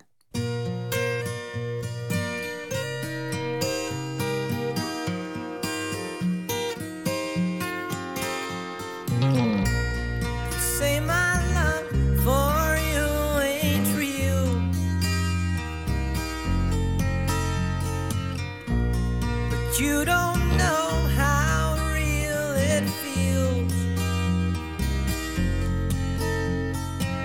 All I want to do is to spend some time with you so I can hold you, hold you.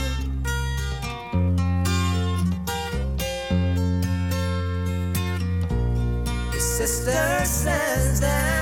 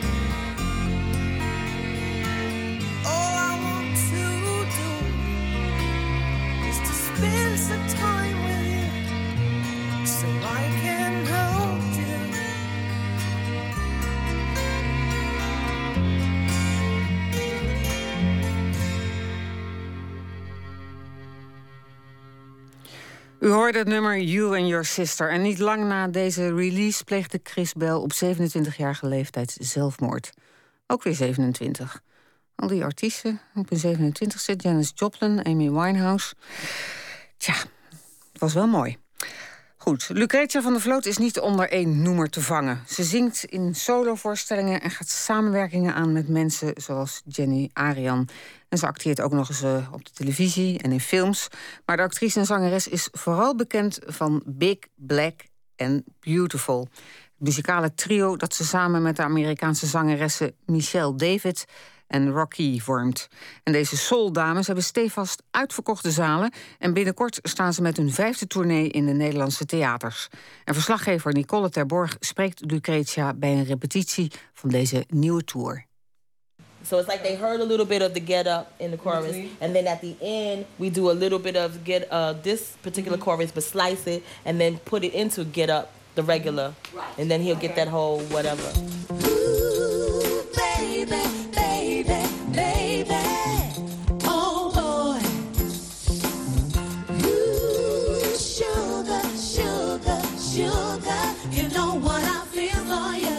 De eerste fotoshoot weet ik nog. Het is heel grappig. We hadden een fotoshoot bij Rocky thuis. We hadden we nog nooit met elkaar gezongen. Maar toen gingen we op een gegeven moment wat zingen. En eh, we stonden op de foto met elkaar. En het klikte gewoon meteen. En praten ook. En lachen meteen. En nu zijn we 13 jaar verder. En eigenlijk bij deze repetities... Bij de, vorige week zijn we gestart met de eerste repetities weer. Dan ga je ook weer nadenken over... Vooral omdat je in je oude papieren gaat kijken. En dan ga je nadenken van... Goh, 13 jaar. Well, it can come even sooner if we figure out how to in in that chorus. Yes, in that very last chorus. He's laughing at me, but I meant it. I meant it. Lucretia, gewapend met papier in de handen. Jullie zijn aan het repeteren hier in de studio van Elvis, jullie eh, bandleider. Hoe gaat het tot nu toe? Nou, het repeteren gaat heel goed. Het is een beetje warm. Maar eh, ja, eh, dat geeft ons wel weer een soort van eh, moed om er doorheen te slaan.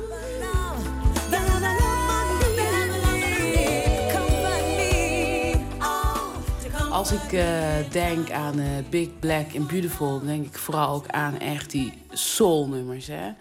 En er wordt ook wel een beetje rock soms ingegooid, maar vooral de harmonieën. Jullie drie stemmen samen.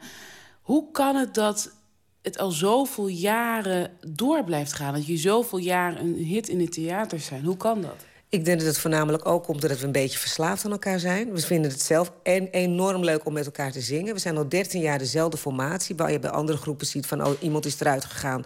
Zijn wij nog steeds gewoon bij elkaar. En eh, wij houden gewoon heel veel van verschillend, eh, verschillend repertoire. Maar het allermooiste en allerfijnste wat we vinden is toch de soul, de funk, eh, de disco. En dat zijn eigenlijk hele sterke het hele sterk, heel sterk repertoire is dat. We hebben wel eens een voorstelling gedaan, over meerdere... maar we hebben wel eens eentje heel specifiek meegemaakt. Dat er, dus, dus was een, een, een, een rij en op een gegeven moment eh, begon er één mevrouw te huilen. Heel hard. En we hebben in maar toch... Ik heb altijd eh, één in zijn monitoren voor in je oor. En eentje had ik dan... Ik heb altijd eentje half uit. En eh, die mevrouw begon te huilen. Echt heel hard, weet je wel. En dan een paar mensen om haar heen ook huilen en haar omhelzen. Dat je eigenlijk zo op een gegeven moment een paar rijen had... die allemaal zo ontroerd waren door die mevrouw, door ons. En waardoor wij ook weer gingen, eigenlijk ja, meegingen. Dus dat was, eh, dat was maar toch heel mooi, weet je wel. Omdat je denkt van ja, dat je ook troostend kan zijn voor iemand op dat moment. Ja, dat, dat soort dingen, dat soort mooie eh, ervaringen... dat blijft gewoon, ja, te gek. If, if you make it something Yeah. like that, that you, Yeah. you know, yeah. like you can even pretend as if it was a scratch or something, or Yeah, yeah, yeah, you know, like De titel van Big Black and Beautiful, waar dat voornamelijk voor staat... en waar het ooit eh, mee begonnen is, is dat Rocky... We zaten bij een meeting, we hadden een meeting en we, wilden een, we zochten een titel. En we wilden gewoon weten, wat, ja, hoe gaan we dat noemen? We wilden in ieder geval dat het power zou uitstralen. En zo zijn we gekomen. Dus Rocky die, eh, begon op een gegeven moment te vertellen van... I, I feel my, I'm a big, black, beautiful woman. En ik zei, dat is het. Het is gewoon big, black and beautiful. Wat nu heel vaak gebeurt is dat mensen dan denken van... oh ja, de een is big, de ander is black, de ander is beautiful. Maar dat is het niet. Bij ons staat big, black and beautiful... staat gewoon voor de whole package. Dus we zijn allemaal, ehm, ja, power women, weet je wel. En als mensen dan vragen me, ja, maar jij bent dan niet big? Dan zeg ik, nou, sowieso. Heb je dan niet goed gekeken naar mijn billen? Want die is erg groot. En Hoe slank ik ook ben, mijn beeld die blijft. En daar ben ik trots op. En ik heb een grote mond. Drie dames. Dat gaat niet altijd goed. Hoe is dat met jullie? Hoe komt dat bij jullie werkt? Ja, nee, we hebben ook af en toe wel onze issues natuurlijk. Ehm, maar ja, dan hebben we eventjes een, eh, een, eh, goed gesprek. Dat kan, maar dat maakt niet uit. Op een of andere manier zijn wij gewoon toch echt zusjes. En eh, ik heb Michelle en Rocky, denk ik, de laatste 13 jaar van mijn leven zeker meer gezien dan dat ik mijn eigen zuster soms zie. Omdat ik dan, ja, het is gewoon druk, dus dan zijn we altijd weg. En we zijn altijd met z'n drieën. En ja, dus zo, tuurlijk, er gebeurt van alles. Het is niet zo dat je opeens dat je alleen maar liefde, liefde, liefde. Nee, je hebt af en toe ook dat je dat hebt. Maar dat moet kunnen. En dan hebben we een goed gesprek erover. En dan is het eigenlijk goed. En het, gaat, het is eigenlijk nooit persoonlijk. Het gaat altijd vaak. Ik heb een, ik heb een, een, een, mening, wat ik wil heel graag in de show. Eh Shelly heeft dat ook, Michelle David. En Rocky Harrell heeft dat net zo goed. Dus soms kunnen wij daarin echt. eh, eh, zijn we, ja, hoe zeggen we? We, butt heads. Weet je wel, we zijn koppig. We willen dan gewoon dat het zo goed is. En ik heb mijn smaak, zij heeft haar smaak. Maar heel vaak, wat we merken, is dat we. we hebben een idee, we doen het. En als we kipvel krijgen, alle drie, dat, dat beginnen we te gillen. En dan weten we, oké, dit is gewoon een goed idee. En bij de ideeën die dan net het niet zijn of het net niet worden, hebben we dat niet. Dus bij de kippenvelmomenten weten we ook exact, dit is het. Yeah. So you just get up, uh, go get it, get up, go get get up. You know, and then the second time you do the second thing. Uh, second time you do the same thing, but then the third time we figure out the. Van jullie um, drie ben jij de enige die echt oorspronkelijk. Nederlands is. hè? Nederlands-Surinaams, om het zo te zeggen. En de andere twee zijn Amerikaans. Heb je soms nog last van een cultuurverschil? Of totaal niet? Eh, we, we hebben soms een, ehm, hoe zeg je dat? Communicatiestoornis. Nederlanders zijn denk ik meer eh, directer, denk ik. Amerikanen zijn wat voorzichtiger. Ik ben echt bland. Ik ben echt, eh, ik ben ook nog echt wat dat betreft heel erg Amsterdams. Dus ik ben soms ook te, ehm, eh, ja, te direct. En dat kan soms, komt dat niet goed over. Ik heb ook een bepaalde humor die bij Amerikanen soms niet werkt. Michel kan mij soms echt aankijken van... Sorry, weet je wel? En dat kun je nagaan, zelfs na, na 13 jaar nog steeds. Maar we, we lachen heel veel en we hebben echt heel veel lol. Ja, ik moet toch even denken aan... eh, we hebben de afgelopen periode hebben we hè, Ladies of Soul gehad. En Ja. Celia Rombly, Candy Dulver onder andere... en Treintje Oosterhuis. Ehm, maar die naam, hè, die ondertitel Ladies of Soul... die ken ik eigenlijk al 13 jaar lang bij van jullie. Ja, klopt. Hoe vind je dat? Ehm, wat hoe vet vind ik ervan? Ja, eh, ik, ik give big ups voor hun. Maar ja, god, wij zijn natuurlijk ook ladies of zo. ja. Maar ook eh, divas of zo. En eh, ja, we, we hebben zoveel titels gekregen in de loop der jaren. Het bijt elkaar niet. Geen Nou, concurrentie. het, het zal denk ik ergens een soort van concurrentie zijn. En aan de andere kant helemaal niet. Kijk, wij doen natuurlijk theater. En ehm, dus zij doen geen theater. Maar ja, dat zou kunnen dat ze het ook gaan doen, dat weet ik niet. Maar wij doen theater en ik kom echt van een theaterachtergrond. En ehm, dus daar, daar zit al, geloof ik, het grote verschil in. En ja, god, als het elkaar zal raken, dan raakt het elkaar.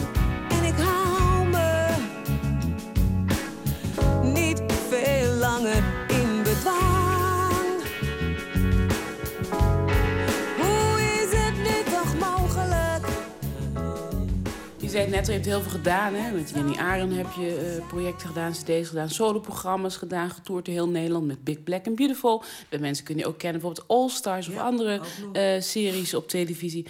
Maar mensen kunnen jou eigenlijk niet in hokje plaatsen als zangeres. Hè? Je zou kunnen zeggen, oh, je bent het nichtje van Aretha Franklin... als je een soulnummer van je hoort. Je zou ook kunnen denken, van, als je zijn Nederlands repertoire hoort... hé, hey, is een soort Jasperine de Jong. Waar voel jij je thuis? Bij alles. Dat is het ding, bij alles. Ik heb mezelf nooit in een hokje kunnen zetten. En ik vind het altijd een beetje jammer dat in Nederland dat echt zo hoort. In Amerika is het al veel makkelijker om verschillende projecten te doen. En hier is het toch altijd lastig geweest dat ik en zing... maar ook Nederlandstalig heel erg doe. Een beetje cabaret doe. Eh, met Big Black and Beautiful ben ik meer de soulhoek opgegaan. Maar ja, ik heb altijd zoiets van... als, je alles, eh, als alles leuk is wat je doet... En het is ook nog van een bepaald niveau dat mensen het ook trekken dat je dat doet. Waarom het niet doen? Want ik bedoel, als ik het Nederlandstalige repertoire... als ik mijn soloprogramma's niet zou kunnen doen... dan zou ik heel ongelukkig worden. Ik vind het gewoon mooi om precies te doen wat ik zelf wil doen.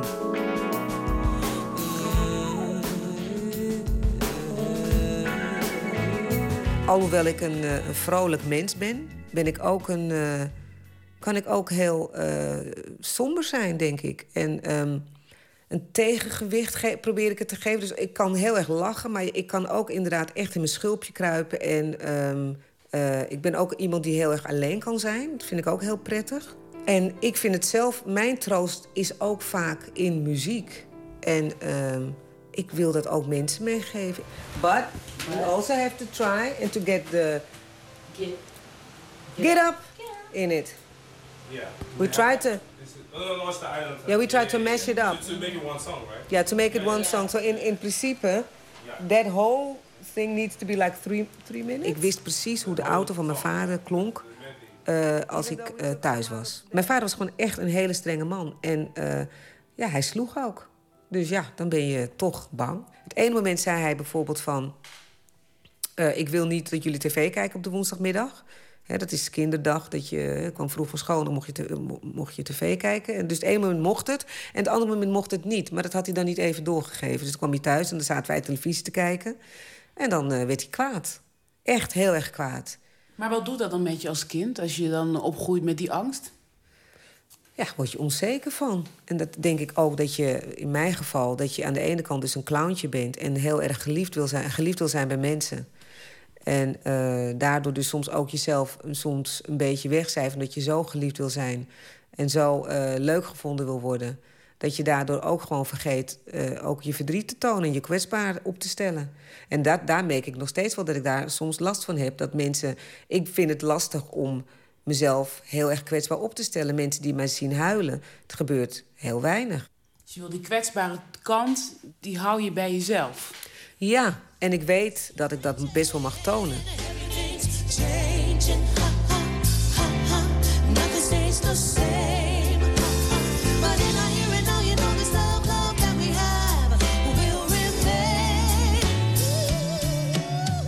Inmiddels na heel veel gesprekken met mijn vader... hebben we toch een soort nieuwe plek gevonden. eh, eh, een veel betere plek. Ik, ik voel me nu geliefd door mijn papi... zoals mijn dochter altijd met haar vader is. En ze heeft echt een hele lieve, leuke... ja, kan niet anders zeggen, een fijne vader. En hij doet alles voor haar. En dat heb ik ook altijd met mijn vader gewild. En ik kon daar soms wel heel verdrietig en ook heel trots naar kijken. Omdat ik dat ook voor mezelf altijd heb gewild. En eh, ik merk nu, toen ik in Suriname was, was ik, ik was gevallen voordat ik wegging vorig jaar, toen het zo eh, ontzettend eh, glad was. En ik had eh, een, een pees verrekt of zo in, in mijn knie. En toen ik in Suriname was, mijn vader is voetbaltrainer altijd geweest vroeger. En ook, heeft ook eh, eerste hulp en dat soort dingen. En natuurlijk in Suriname ook met, eh, weet je wel, met eh olie en toestanden. Dus daar dat is hij heel goed in. En toen ik daar was, heeft hij echt elke dag mijn been gemasseerd. En was hij gewoon echt ja, de vader die ik altijd wilde hebben. En dat is nu zo mooi. We whatsappen en eh, we hebben nu gewoon contact. En het is gewoon eh, heel fijn. Weet je wel, en dat maakt mij bijvoorbeeld heel kwetsbaar. Ook aan de andere kant. Maar ook, geeft me ook weer eh, heel veel kracht. Omdat ik denk van wow, dat is altijd wat ik heb gewild. En dat heb ik nu. We come even sooner if we figure out how to in, in that chorus. Yes, in that very last chorus. Yeah, right, right.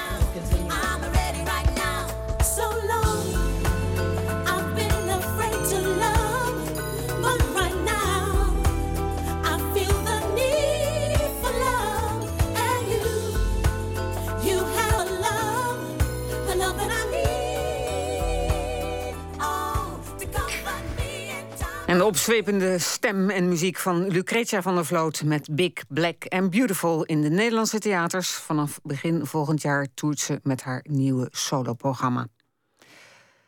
Vaak zijn bandnamen een wanhopige poging naar originaliteit. Maar de muziek van Tini Ruins klinkt precies zoals de naam doet vermoeden.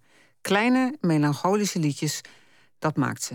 Speel in Tini Ruins is de uit Nieuw-Zeeland afkomstige singer-songwriter Holly Fulbrook. En drie jaar na hun debuutalbum heeft de band nu een opvolger. Brightly Painted One.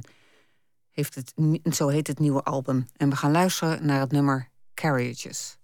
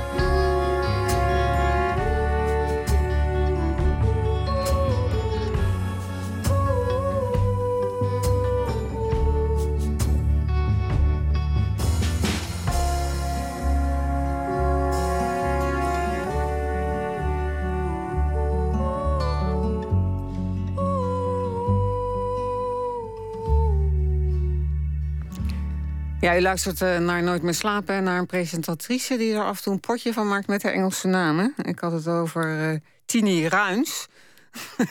Omdat ik dacht, er stond hier eh, dat het zo'n mooie originele bedachte naam was voor een band. Maar het is natuurlijk Tiny Ruins. Ja, hele kleine ehm ruïnetjes. Dat hoorde die. Nooit meer slapen. Beeldend kunstenaar Herman de Vries, die afgelopen vrijdag 83 jaar werd, zal volgend jaar tijdens de Biennale van Venetië Nederland vertegenwoordigen. En na zijn verjaardag blijkt de Vries een nog veel belangrijker jubileum te vieren. Anton de Goede is onze nachtcorrespondent van een prachtige functie. Goeienacht, Anton. Herman de Ja, Vries. Goeienacht. Hij timmert al meer dan 50 jaar aan de weg. Eh, werk van hem is in heel veel grote musea te zien. Hè, zoals in eh, Kruller-Muller, het Rijksmuseum Twente... het Stedelijk Museum in Amsterdam... het Gemeentemuseum Den Haag. Ook in het buitenland, het MoMA in New York, ook niet het minste. Hoe, hoe komt het dan toch dat deze naam relatief... deze man relatief onbekend is in Nederland? Ja, dat is een goede vraag. Daarbij speelt denk ik het eh, banale feit een rol dat Herman de Vries al langer in Duitsland woont dan dat hij ooit in Nederland woonde. Eh, hij is geboren Alkmaarder. eh, in, is in 1970 verhuisd, toen was hij nog geen 40, naar het Beierse dorp Eschenau in Zuid-Duitsland. Echt in de middle of nowhere, in een bosrijke omgeving. En eh, ja, het is simpelweg zo dat als hij aan de Keizersgracht was gaan wonen... dan zou hij veel vaker in de media op, op, opduiken. Eh, hoewel hij daar misschien wel helemaal niet op zit te wachten trouwens hoor. Maar in dat Zuid-Duitsland woont hij inmiddels dus al langer dan 40 jaar... in de bossen. En sinds hij daar woont speelt ook die natuur... en eh, de filosofie die, die, hij erop nahoudt eh, een belangrijke rol in zijn werk. Hij maakt bijvoorbeeld afdrukken van boombladeren. En dat verwerkt hij in zijn kunst. Hij is ooit begonnen als plantkundige. En nu dus al jarenlang en decennia lang bezig met beeldende kunst. Ja, dat hij ging exposeren in eh, de Biennale van Venetië... dat hij daar Nederland gaat vertegenwoordigen... was aanleiding voor ons bij de radio om te denken... Misschien moeten we een keer een radiodocumentaire over hem eh, maken. En dat zou ook heel mooi uitkomen, want hij gaat voorafgaand aan de Biennale in de buurt van Venetië een soort journaal maken in de vrije natuur op verlaten en overwoekerende eilanden in de buurt van Venetië in wat heet de Venetiaanse lagune. En vorige week had ik hem aan de telefoon. En wij van de VPRO gaan daar ook opnamen van maken. Mooie plannen die we bespraken. En bij die gelegenheid feliciteerde ik hem met het feit dat hij 83 jaar was geworden. Ehm, nou, nu komt het aardige. We hadden het een en ander besproken. En ik had hem gefeliciteerd op zijn oude dag. En hij zei van jullie zijn van harte welkom. Maar toen zei hij dat hij behalve zijn verjaardag... jij zei het in je inleiding ook al... dat hij nog een jubileum had te vieren dit jaar. Hij kondigde dat als volgt aan. Luister. Maar ik moet nog een tweede eh, jubileum vertellen. Ja. Eh, het is dit jaar eh, 60 jaar geleden dat ik voor de eerste keer cannabis rookte. 60 jaar geleden dat u voor het eerst cannabis rookte. Ja, 1954. Dat jaar wat het verboden werd, toevallig. Met, met Algerijnen in Parijs. En de eerste jaren is dat soms een keer voorgekomen. Maar na die tijd ben ik eigenlijk tot, tot nu toe... eh, eh, ja, eh, een regelmatige cannabisgebruiker. En ik ben er gezond bij gebleven. En mijn geest functioneert goed. En bent u, omdat u dat nu zelf zo eh, naar buiten brengt... is dat ehm, ook omdat u daar een lans voor zou willen breken? Jazeker. Eh, Ik vind al dat ik recht toe heb. Ik heb recht ertoe eh, om zelf te bestemmen, te bepalen wat ik met mijn lichaam wil doen. Dat gaat niemand iets aan. Ik heb tegen de wet verstoten, eh, zeker in Duitsland, maar ik voel me onschuldig.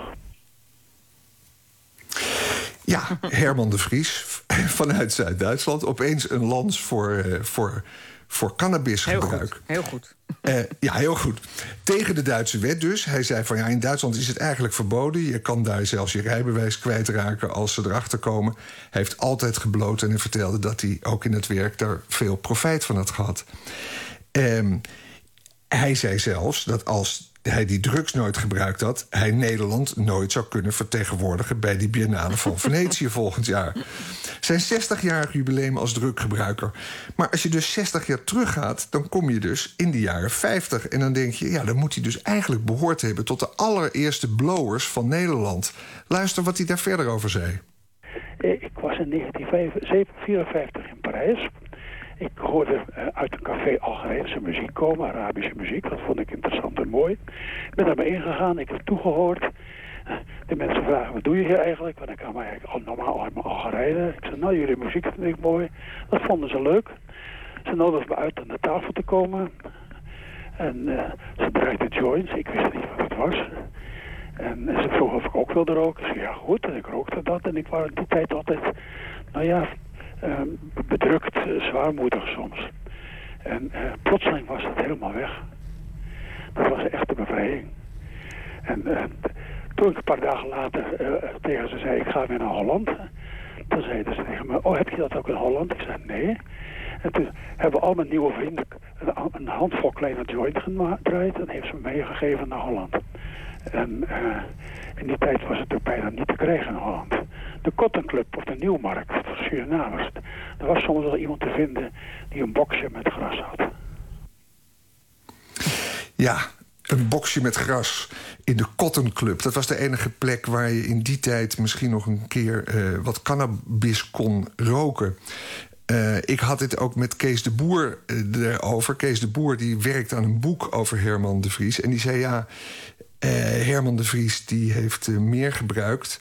En het is voor hem zeer medicinaal geweest. Het heeft voor hem ontzettend veel betekend. En ik vroeg daar ook Herman de Vries nog over. Het heeft zich niet beperkt tot softdrugs. Hij gebruikte bijvoorbeeld ook LSD. En het doet bijna denken aan de ervaringen die professor Bastiaanse had... eh, die, eh, die oorlogstrauma's met LSD te lijf ging. LSD is voor Herman de Vries, zo zei hij, eh, levensreddend geweest. Hoor maar wat hij er verder nog over zei. Ik was een zware astmaticus. Ik had een levensverwachting van misschien 50 jaar. En eh, ik ontmoette een paar hippies, die vertelden me iets over LSD. En toen dacht ik, ja, ik moet me veranderen, maar ik weet niet hoe, ik probeer het maar. En toen ik de tweede keer LSD kwam, nam, kreeg ik een zware astma-aanval. En ik ben eh, met gesloten ogen door een tunnel heen geschoten. Ik moest altijd beslissen links, rechts, eh, links, rechts afslaan. Dat deed ik eh, zonder na te denken heel snel. En ik kwam eh, nog steeds in een visionair landschap terecht. dat tintelde van kleuren. En mijn astma was weg en is nooit meer teruggekeerd. Dankzij en, de... ik- en dankzij LSD ben ik dus nu 83. En kan Nederland vertegenwoordigen op de Biennale van Venetië. Nou, fantastisch. Als dat eh, de boodschap wordt die u daar uitdraagt... zal niet iedereen daar blij mee zijn. Dat geloof ik. Maar het is oprecht. En ik ben graag oprecht en ik ben graag waar. Wat bijzonder. Wat een ontzettend bijzonder verhaal, Anton. Ja, eh, vond ik ook. Eh, de- de- deze man die liet zijn hart spreken. En hij, hij, hij zal de gevolgen wel, wel merken. En op dat Nederlandse paviljoen volgend jaar mei opent dat.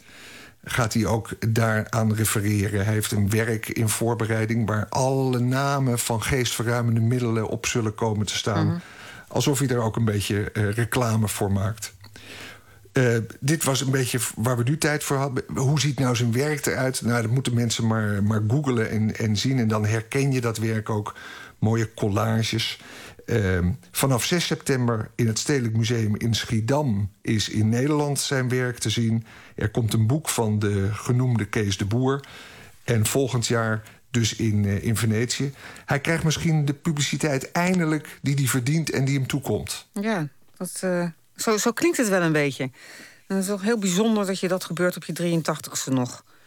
Zo zie je Geweldig, maar. hè? ja. Het, is, het, is, eh, het heeft eh, zeer veel voordelen om eh, oud te worden. Dankjewel. En Herman de Vries dus te zien tijdens de Biennale volgend jaar. Nederland vertegenwoordigend. Dankjewel Anton de Goede. Otis Taylor was de 50 al gepasseerd toen hij zijn succesvolle bestaan als antiekhandelaar verruilde voor een onzeker bestaan als bluesmuzikant. En gedreven door sociale kwesties bezinkt hij onrecht, racisme en de schaduwzijde van de liefde. Van Otis Taylor draaien we het nummer 10 Million Slaves.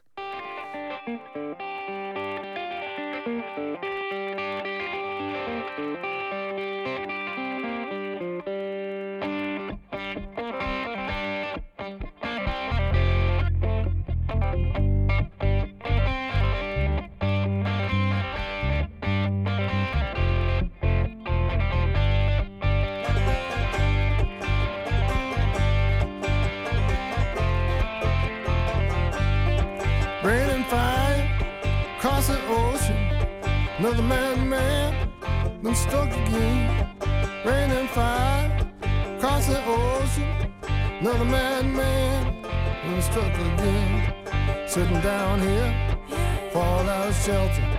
Paint my walls twice a week.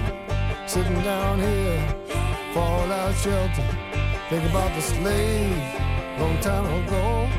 Ten million slaves across the ocean. They had shackles on their legs. ten million slaves across the ocean. They had shackles know where, where they're going. Don't know where, where they've been. Don't know where, where they're going. Don't know where, where they've been.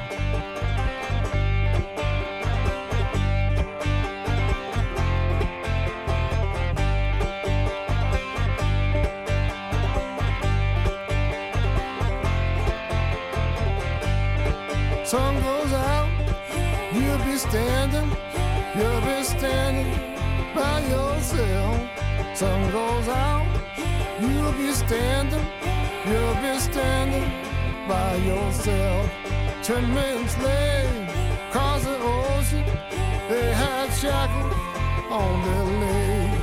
Ten million slaves across the ocean, they had shackles on their legs. Don't know where, where they're going. Don't know where, where they're been.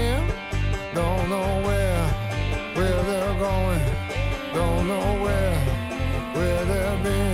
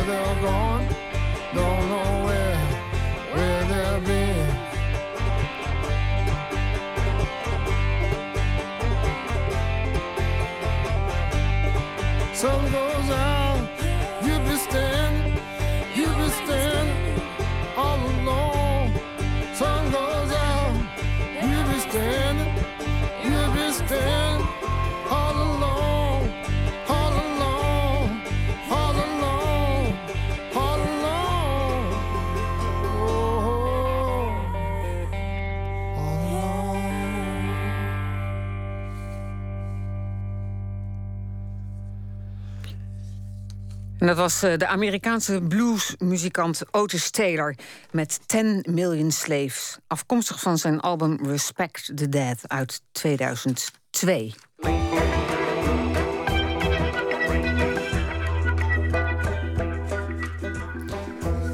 Ja, en dan is er een. eh, moet ik even zoeken naar mijn tekst.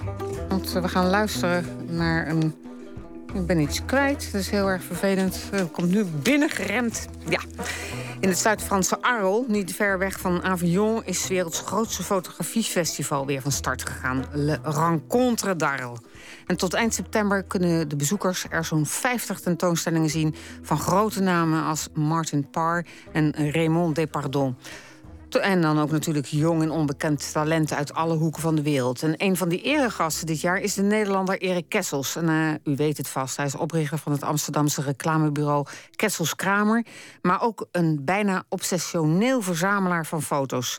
En correspondent Frank Runout bezocht het festival in Arles... en zocht daar ook Erik Kessels op.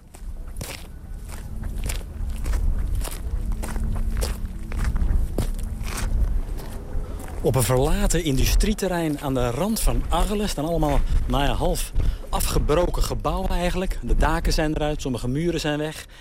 En in een van die gebouwen, een oude loods van de Franse spoorwegen, echt een enorm pand. Daarin moet Erik Kessels te vinden zijn. Bon, là, c'est des photos Macron. Bonjour. Oui, bonjour. Erik Kessels, c'est là? Oui, oui, il est là, il est à l'intérieur. Allez-y, monsieur. Merci. Nou, we lopen naar binnen in de expositieruimte. Nou,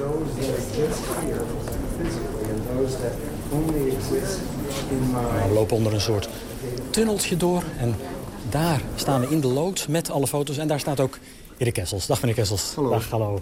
Dag. Nou, dit is het, hè? Uw tentoonstelling? Ja, het is nu al een aantal dagen geopend. Eh, de tentoonstelling heet eh, Small Universe. En hier zijn eh, negen Nederlandse fotografen, kunstenaars in te zien. Kunnen we er eens twee, kunt eens een aantal, twee voorbeelden geven? Kunnen we eens Ja. kijken bij twee voorbeelden? Lopen we even door. Het is steeds in blokken opgedeeld, hè? vierkante blokken. We staan nu in het tweede blok. Ja, dit is werk van Hans Eikelboom. Die woont in Amsterdam. En dit is een, en die werkt ook op dit moment, maakt vrij veel werk ook nog steeds. En de- maar dit is voornamelijk werk wat hij in de 70 jaren gemaakt heeft. Zwart-wit foto's, groot afgedrukt hier. Ja, en we zien hier eh, vier foto's waarbij eh, we eigenlijk eh, op het eerste gezicht zijn het archetype familiefoto's. Maar als je dan goed kijkt, dan zie je dat eh, Hans Eikelboom eigenlijk in elke foto zelf eh in staat als de vader in die familie.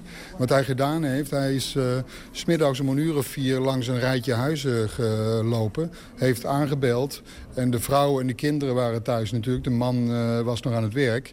En hij heeft dan gevraagd of hij eh, al- als een soort stand-in mocht eh, fungeren in deze familie. Zodat hij, ja, in, op, in elke familie wordt, op, bij elke foto zie je ook dat hij totaal geaccepteerd is als de vader in deze familie. Maar dat is natuurlijk volledig eh, nep, zeg maar. Het zijn bijna een soort standaard familieportretten... maar dan dat hij steeds inderdaad op de bank zit met vrouwen en kinderen... zelfs lachend met kinderen op schoot, ja. Ja, maar het geeft ook een klein beetje, klein beetje aan dat eh, ja, de, de, de, de vader in een familie eigenlijk totaal eh, inwisselbaar is of uitwisselbaar. En, en de kinderen en de, en de vrouwen en, eh, ook. Dus dat, dat is wel een aardig werk, eh, vind ik. En nog een ander voorbeeld op uw tentoonstelling die we kunnen bekijken? Ik heb het nooit gezien. Die hond. Die... Maar dit is eh, werk van Melanie Bonayo. Het is een Nederlands eh, meisje wat nu in New York woont. En die is redelijk bekend ook wel. Eh, het is echt een talent van de afgelopen eh, tien jaar in, in Nederland. Echt een, eh, eh, maakt echt heel goed werk. Eh, maar wat we hier zien is werk wat eigenlijk niet zo bekend is van haar. Want zij heeft in bepaalde periodes echt, waar het niet zo goed ging met haar. En ze redelijk depressief was. Of het ging uit met een vriendje. Of er gebeurde iets naars. en zij moest huilen. Toen heeft ze daarvan zelf een foto gemaakt. En, om dat eigenlijk vast te leggen. En later te kunnen kijken naar dat moment dat dat eh, niet goed ging. En eh, ja, dit eigenlijk als een soort eh, therapie te gebruiken om, om, daar, ja, om daar later nog eens naar terug te kijken. En, inmiddels gaat het natuurlijk wel heel goed met haar. Dus dat moest ik wel overbrengen. Maar ja, hier zie je dat dat het is wel enorm intens en heel, heel persoonlijk. En hier is natuurlijk ook de Small Universe. Dat is gewoon zijzelf. Hè? Dus en, en, en haar eigen, Alleen maar portretten. haar eigen wereld, ja. De tentoonstelling heet Small Universe. U was gevraagd om Nederland te laten zien eh, op deze tentoonstelling. Wat, wat wilt u ermee? Wat wilt u laten zien met de, de artiesten die u heeft uitgekozen? Nou, kijk, het idee was een beetje om... eh, de titel is later gekomen, maar het idee was een beetje om te laten zien hoe eh, Nederlanders bepaalde zaken documenteren, op, bij, met fotografie dan. En, want je hebt bijvoorbeeld documentaire fotografie, maar je hebt ook mensen die zeg maar, beelden verzamelen, die, die foto's maken en daar bepaalde typologieën van maken, series van maken. En in dit geval heb ik me eigenlijk alleen gefocust op mensen die een soort obsessie ontwikkeld hebben in hun eh, directe kleine omgeving, zeg maar. Of het nou in een huis is, of op een balkon, of eh, met hunzelf als identiteit, of eh, met een stad waarin ze wonen. En dat, eh, ja, dus een soort obsessief eh, collectie en verzameling foto's die ze zelf gemaakt hebben, waarmee ze een bepaald gevoel uitdrukken.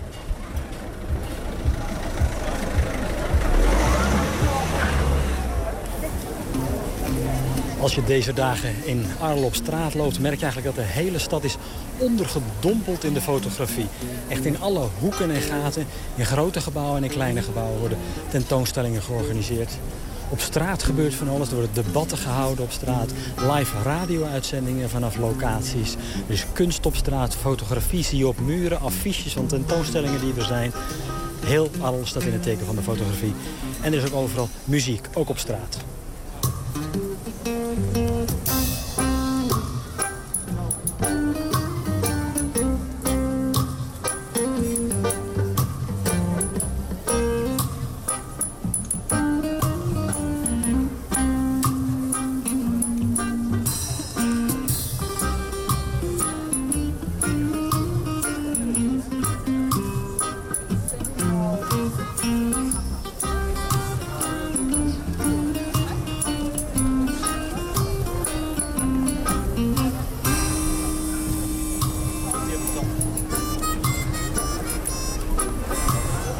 De modefotograaf David Bailey die heeft een tentoonstelling in een kerk naast het stadhuis van Arles, waar we nu binnenlopen. Nou, het is een tentoonstelling op zijn maat ook. We lezen hier als je binnenkomt een bordje David Bailey, geboren in 1938 in Londen. En fotografeerde meer dan 350 voorpagina's voor het modeblad Vogue.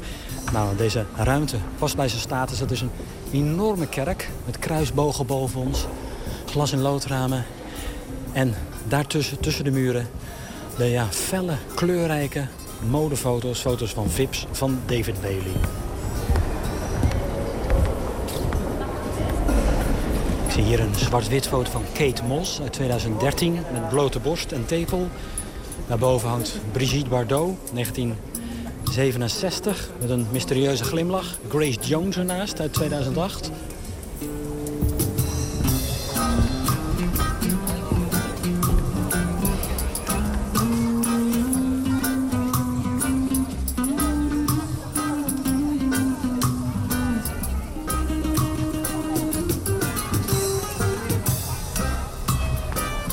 Ik sta voor een huis met een open raam, groene luiken ervoor. Zie eigenlijk twee kamers kan ik inkijken. Het lijken wel gewoon twee woonkamers. En het heet de Little Big Gallery, de kleine grote galerie. En het is eigenlijk niet meer dan een, ja, een huis, een woonkamer eigenlijk... maar dan helemaal behangen als ik rondkijk met foto's ook. Bonjour. Bonjour. Wat kunnen we hier eigenlijk zien in deze woonkamers? Alors ici, c'est la galerie Little Big Gallery qui est à Paris, que j'ai installée ici pour le, le temps des rencontres et même jusqu'à la fin du mois de juillet. We zijn eigenlijk gewoon een kunstgalerie in Parijs... maar we zijn even naar hier verhuisd voor dit festival. C'est une maison, c'est la, la maison que je loue à chaque fois que je viens en Arles. Het is ook een gewoon huisje, het is ook een gewone woonkamer... en we huren het eigenlijk alleen voor dit festival, voor, om ons werk te laten zien. Et donc euh, j'ai apporté avec moi euh, tous les artistes que, que je représente. Ik heb kunstenaars meegenomen, het werk van kunstenaars... die, ja, die ik in Parijs vertegenwoordig.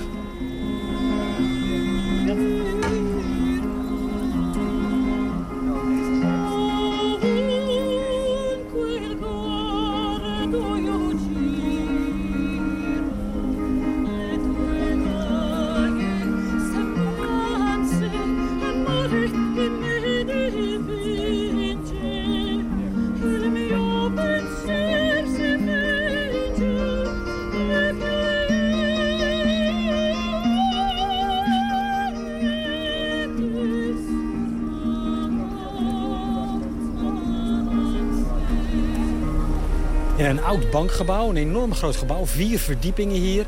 Daar is het werk te zien van de beroemde fotograaf Martin Parr. Maar niet alleen van hem, hij werkt samen met twee Nederlanders... Thijs Groot Wassink en Ruben Lundgren... die respectievelijk werken in Londen en Peking. Allez tout droit au, au bout du couloir, Tout vous avez droit, l'ascenseur. Ok, très bien. C'est quoi Et c'est la lampe, vous en aurez besoin dans le noir. Voilà. Bonne visite. Merci. We krijgen een lamp mee, want het is een tentoonstelling in het donker.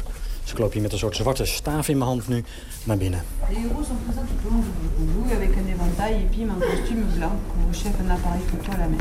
Nou, je moet inderdaad je lamp aandoen, want de tentoonstelling is opgedeeld over twee verdiepingen en allemaal ingedeeld in kleine kamertjes. Dus je gaat steeds één kamer binnen en die kamers zijn pikdonker, dus je doet je lamp aan en dan zie je op de muren Chinese fotoboeken, want dat is waar deze tentoonstelling over gaat. Chinese fotoboeken zijn weinig bekend, er zijn er maar heel veel, weinig doorgedrongen in het Westen. En Martin Parr en de twee Nederlanders zijn er dus in geslaagd ja, ze te vinden. En daarvan worden afdrukken nu hier tentoongesteld. Van Chinezen in traditionele kostuums, landschappen in China zien we. Pandaberen natuurlijk. En de natuur, bergen, rivieren.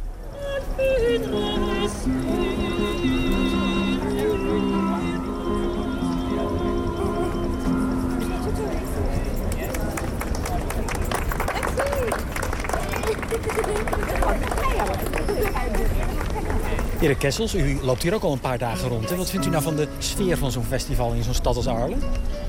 Ja, de, eh, de hele stad, wat eigenlijk niet zo'n grote stad is... die ademt gewoon fotografie uit natuurlijk. En eh, dat is ook een bewuste keus geweest, denk ik, van het festival ooit... om het, no- om het niet in een hele grote stad te doen... waar je eigenlijk snel verloren kan eh, raken. Maar dat dit is toch gewoon een beloopbare stad. Er zijn op dit moment 50 exposities officieel... en daarnaast nog een heleboel eh, niet officieel. Dus, ja, en, en s'avonds, het gaat tot 5, 6 uur s ochtends door elke... elke ziet er nog goed uit. Ja, nee, dat... dank je. Ik vertelde mijn twee zonen dat ik naar een fotofestival ging. Twee tienerzonen heb ik. En die zeiden dat het verschrikkelijk ouderwets was. Want zij hebben alleen nog maar eh videoskypen doen ze met vrienden en vriendinnen. En ze zijn van de YouTube-generatie. Dat is een nieuwe bijbel. Is een fotofestival als dat van Arles, is dat iets voor oude generaties? Nou, dat, dat denk ik niet. Want eh, op dit moment is denk ik de jonge generatie het meest eh, vertegenwoordigd. Kijk, het is natuurlijk zo dat de, eh, waar jij het over hebt... dat, dat zijn eh, zoals wij op dit moment allemaal leven met beelden... en waar je ook naar kunt kijken en waar je gewoon elk moment van de dag eh, toegang tot hebt. Alleen is dat natuurlijk ook een enorme vuilnisbelt van, van beeld. Terwijl bij een festival gaat het er toch wel om van hoe, welke edit maak je, welke selectie maak je ervan en hoe laat je het zien. Waardoor je ook eigenlijk weer eh, bezoekers eh, leert eh, kijken naar die dingen. Want je moet die selectie wel maken, want anders kan je het echt, ja dan zie je deze dingen nooit. En is er nog een toekomst voor de fotografie? En zo ja, wat voor toekomst? Nou, de, ik weet niet wat de toekomst is. Het is alleen zo van... eh, in ieder geval, ik weet niet wat de toekomst voor fotografie is. Maar het is natuurlijk wel zo dat we nu in een renaissance van, eh, van fotografie eh, leven. Ik bedoel, mensen maken continu beeld. Het is dat wij, wij zien nu voor de lunch zien wij net, zoveel beelden als iemand in de 18e eeuw in zijn hele leven zag. Op dit moment is het zo dat bijna iedereen daar. Het is wel, fotografie is wel heel democratisch geworden. Ik bedoel, jij kan ook een fantastisch beeld maken met je telefoon. En dat, eh, ja, als je daarin in gelooft en je, je weet dat eh, eh, naar boven te tillen en, en daar eh, iets mee te doen, dan iedereen dat ligt volledig open. Iedereen heeft daar een kans in. En dat vind ik ook heel erg mooi. De fotografie is niet meer voor een aantal mensen weggelegd die, eh, die een apparaat konden bedienen en daar technisch heel veel mee konden. En dan echt eh, prachtige meesterwerkjes daarmee maakten. Maar eh, een snapshot kan ook eh, iconisch worden tegenwoordig. En dat, dat is natuurlijk het prachtige ervan. En tot zover deze impressie van het fotografiefestival Le Rencontre d'Arles. Dat was een bijdrage van correspondent Frank Runhout. En dan nog even iets over morgen. Morgen gaan we door over de fotografie. En dan is hier Hans Aarsman, fotojournalist en schrijver... die ook wel bekend staat als de fotodetectieve. Nou zeg, kom bijna niet meer uit mijn woorden. Graag tot morgen.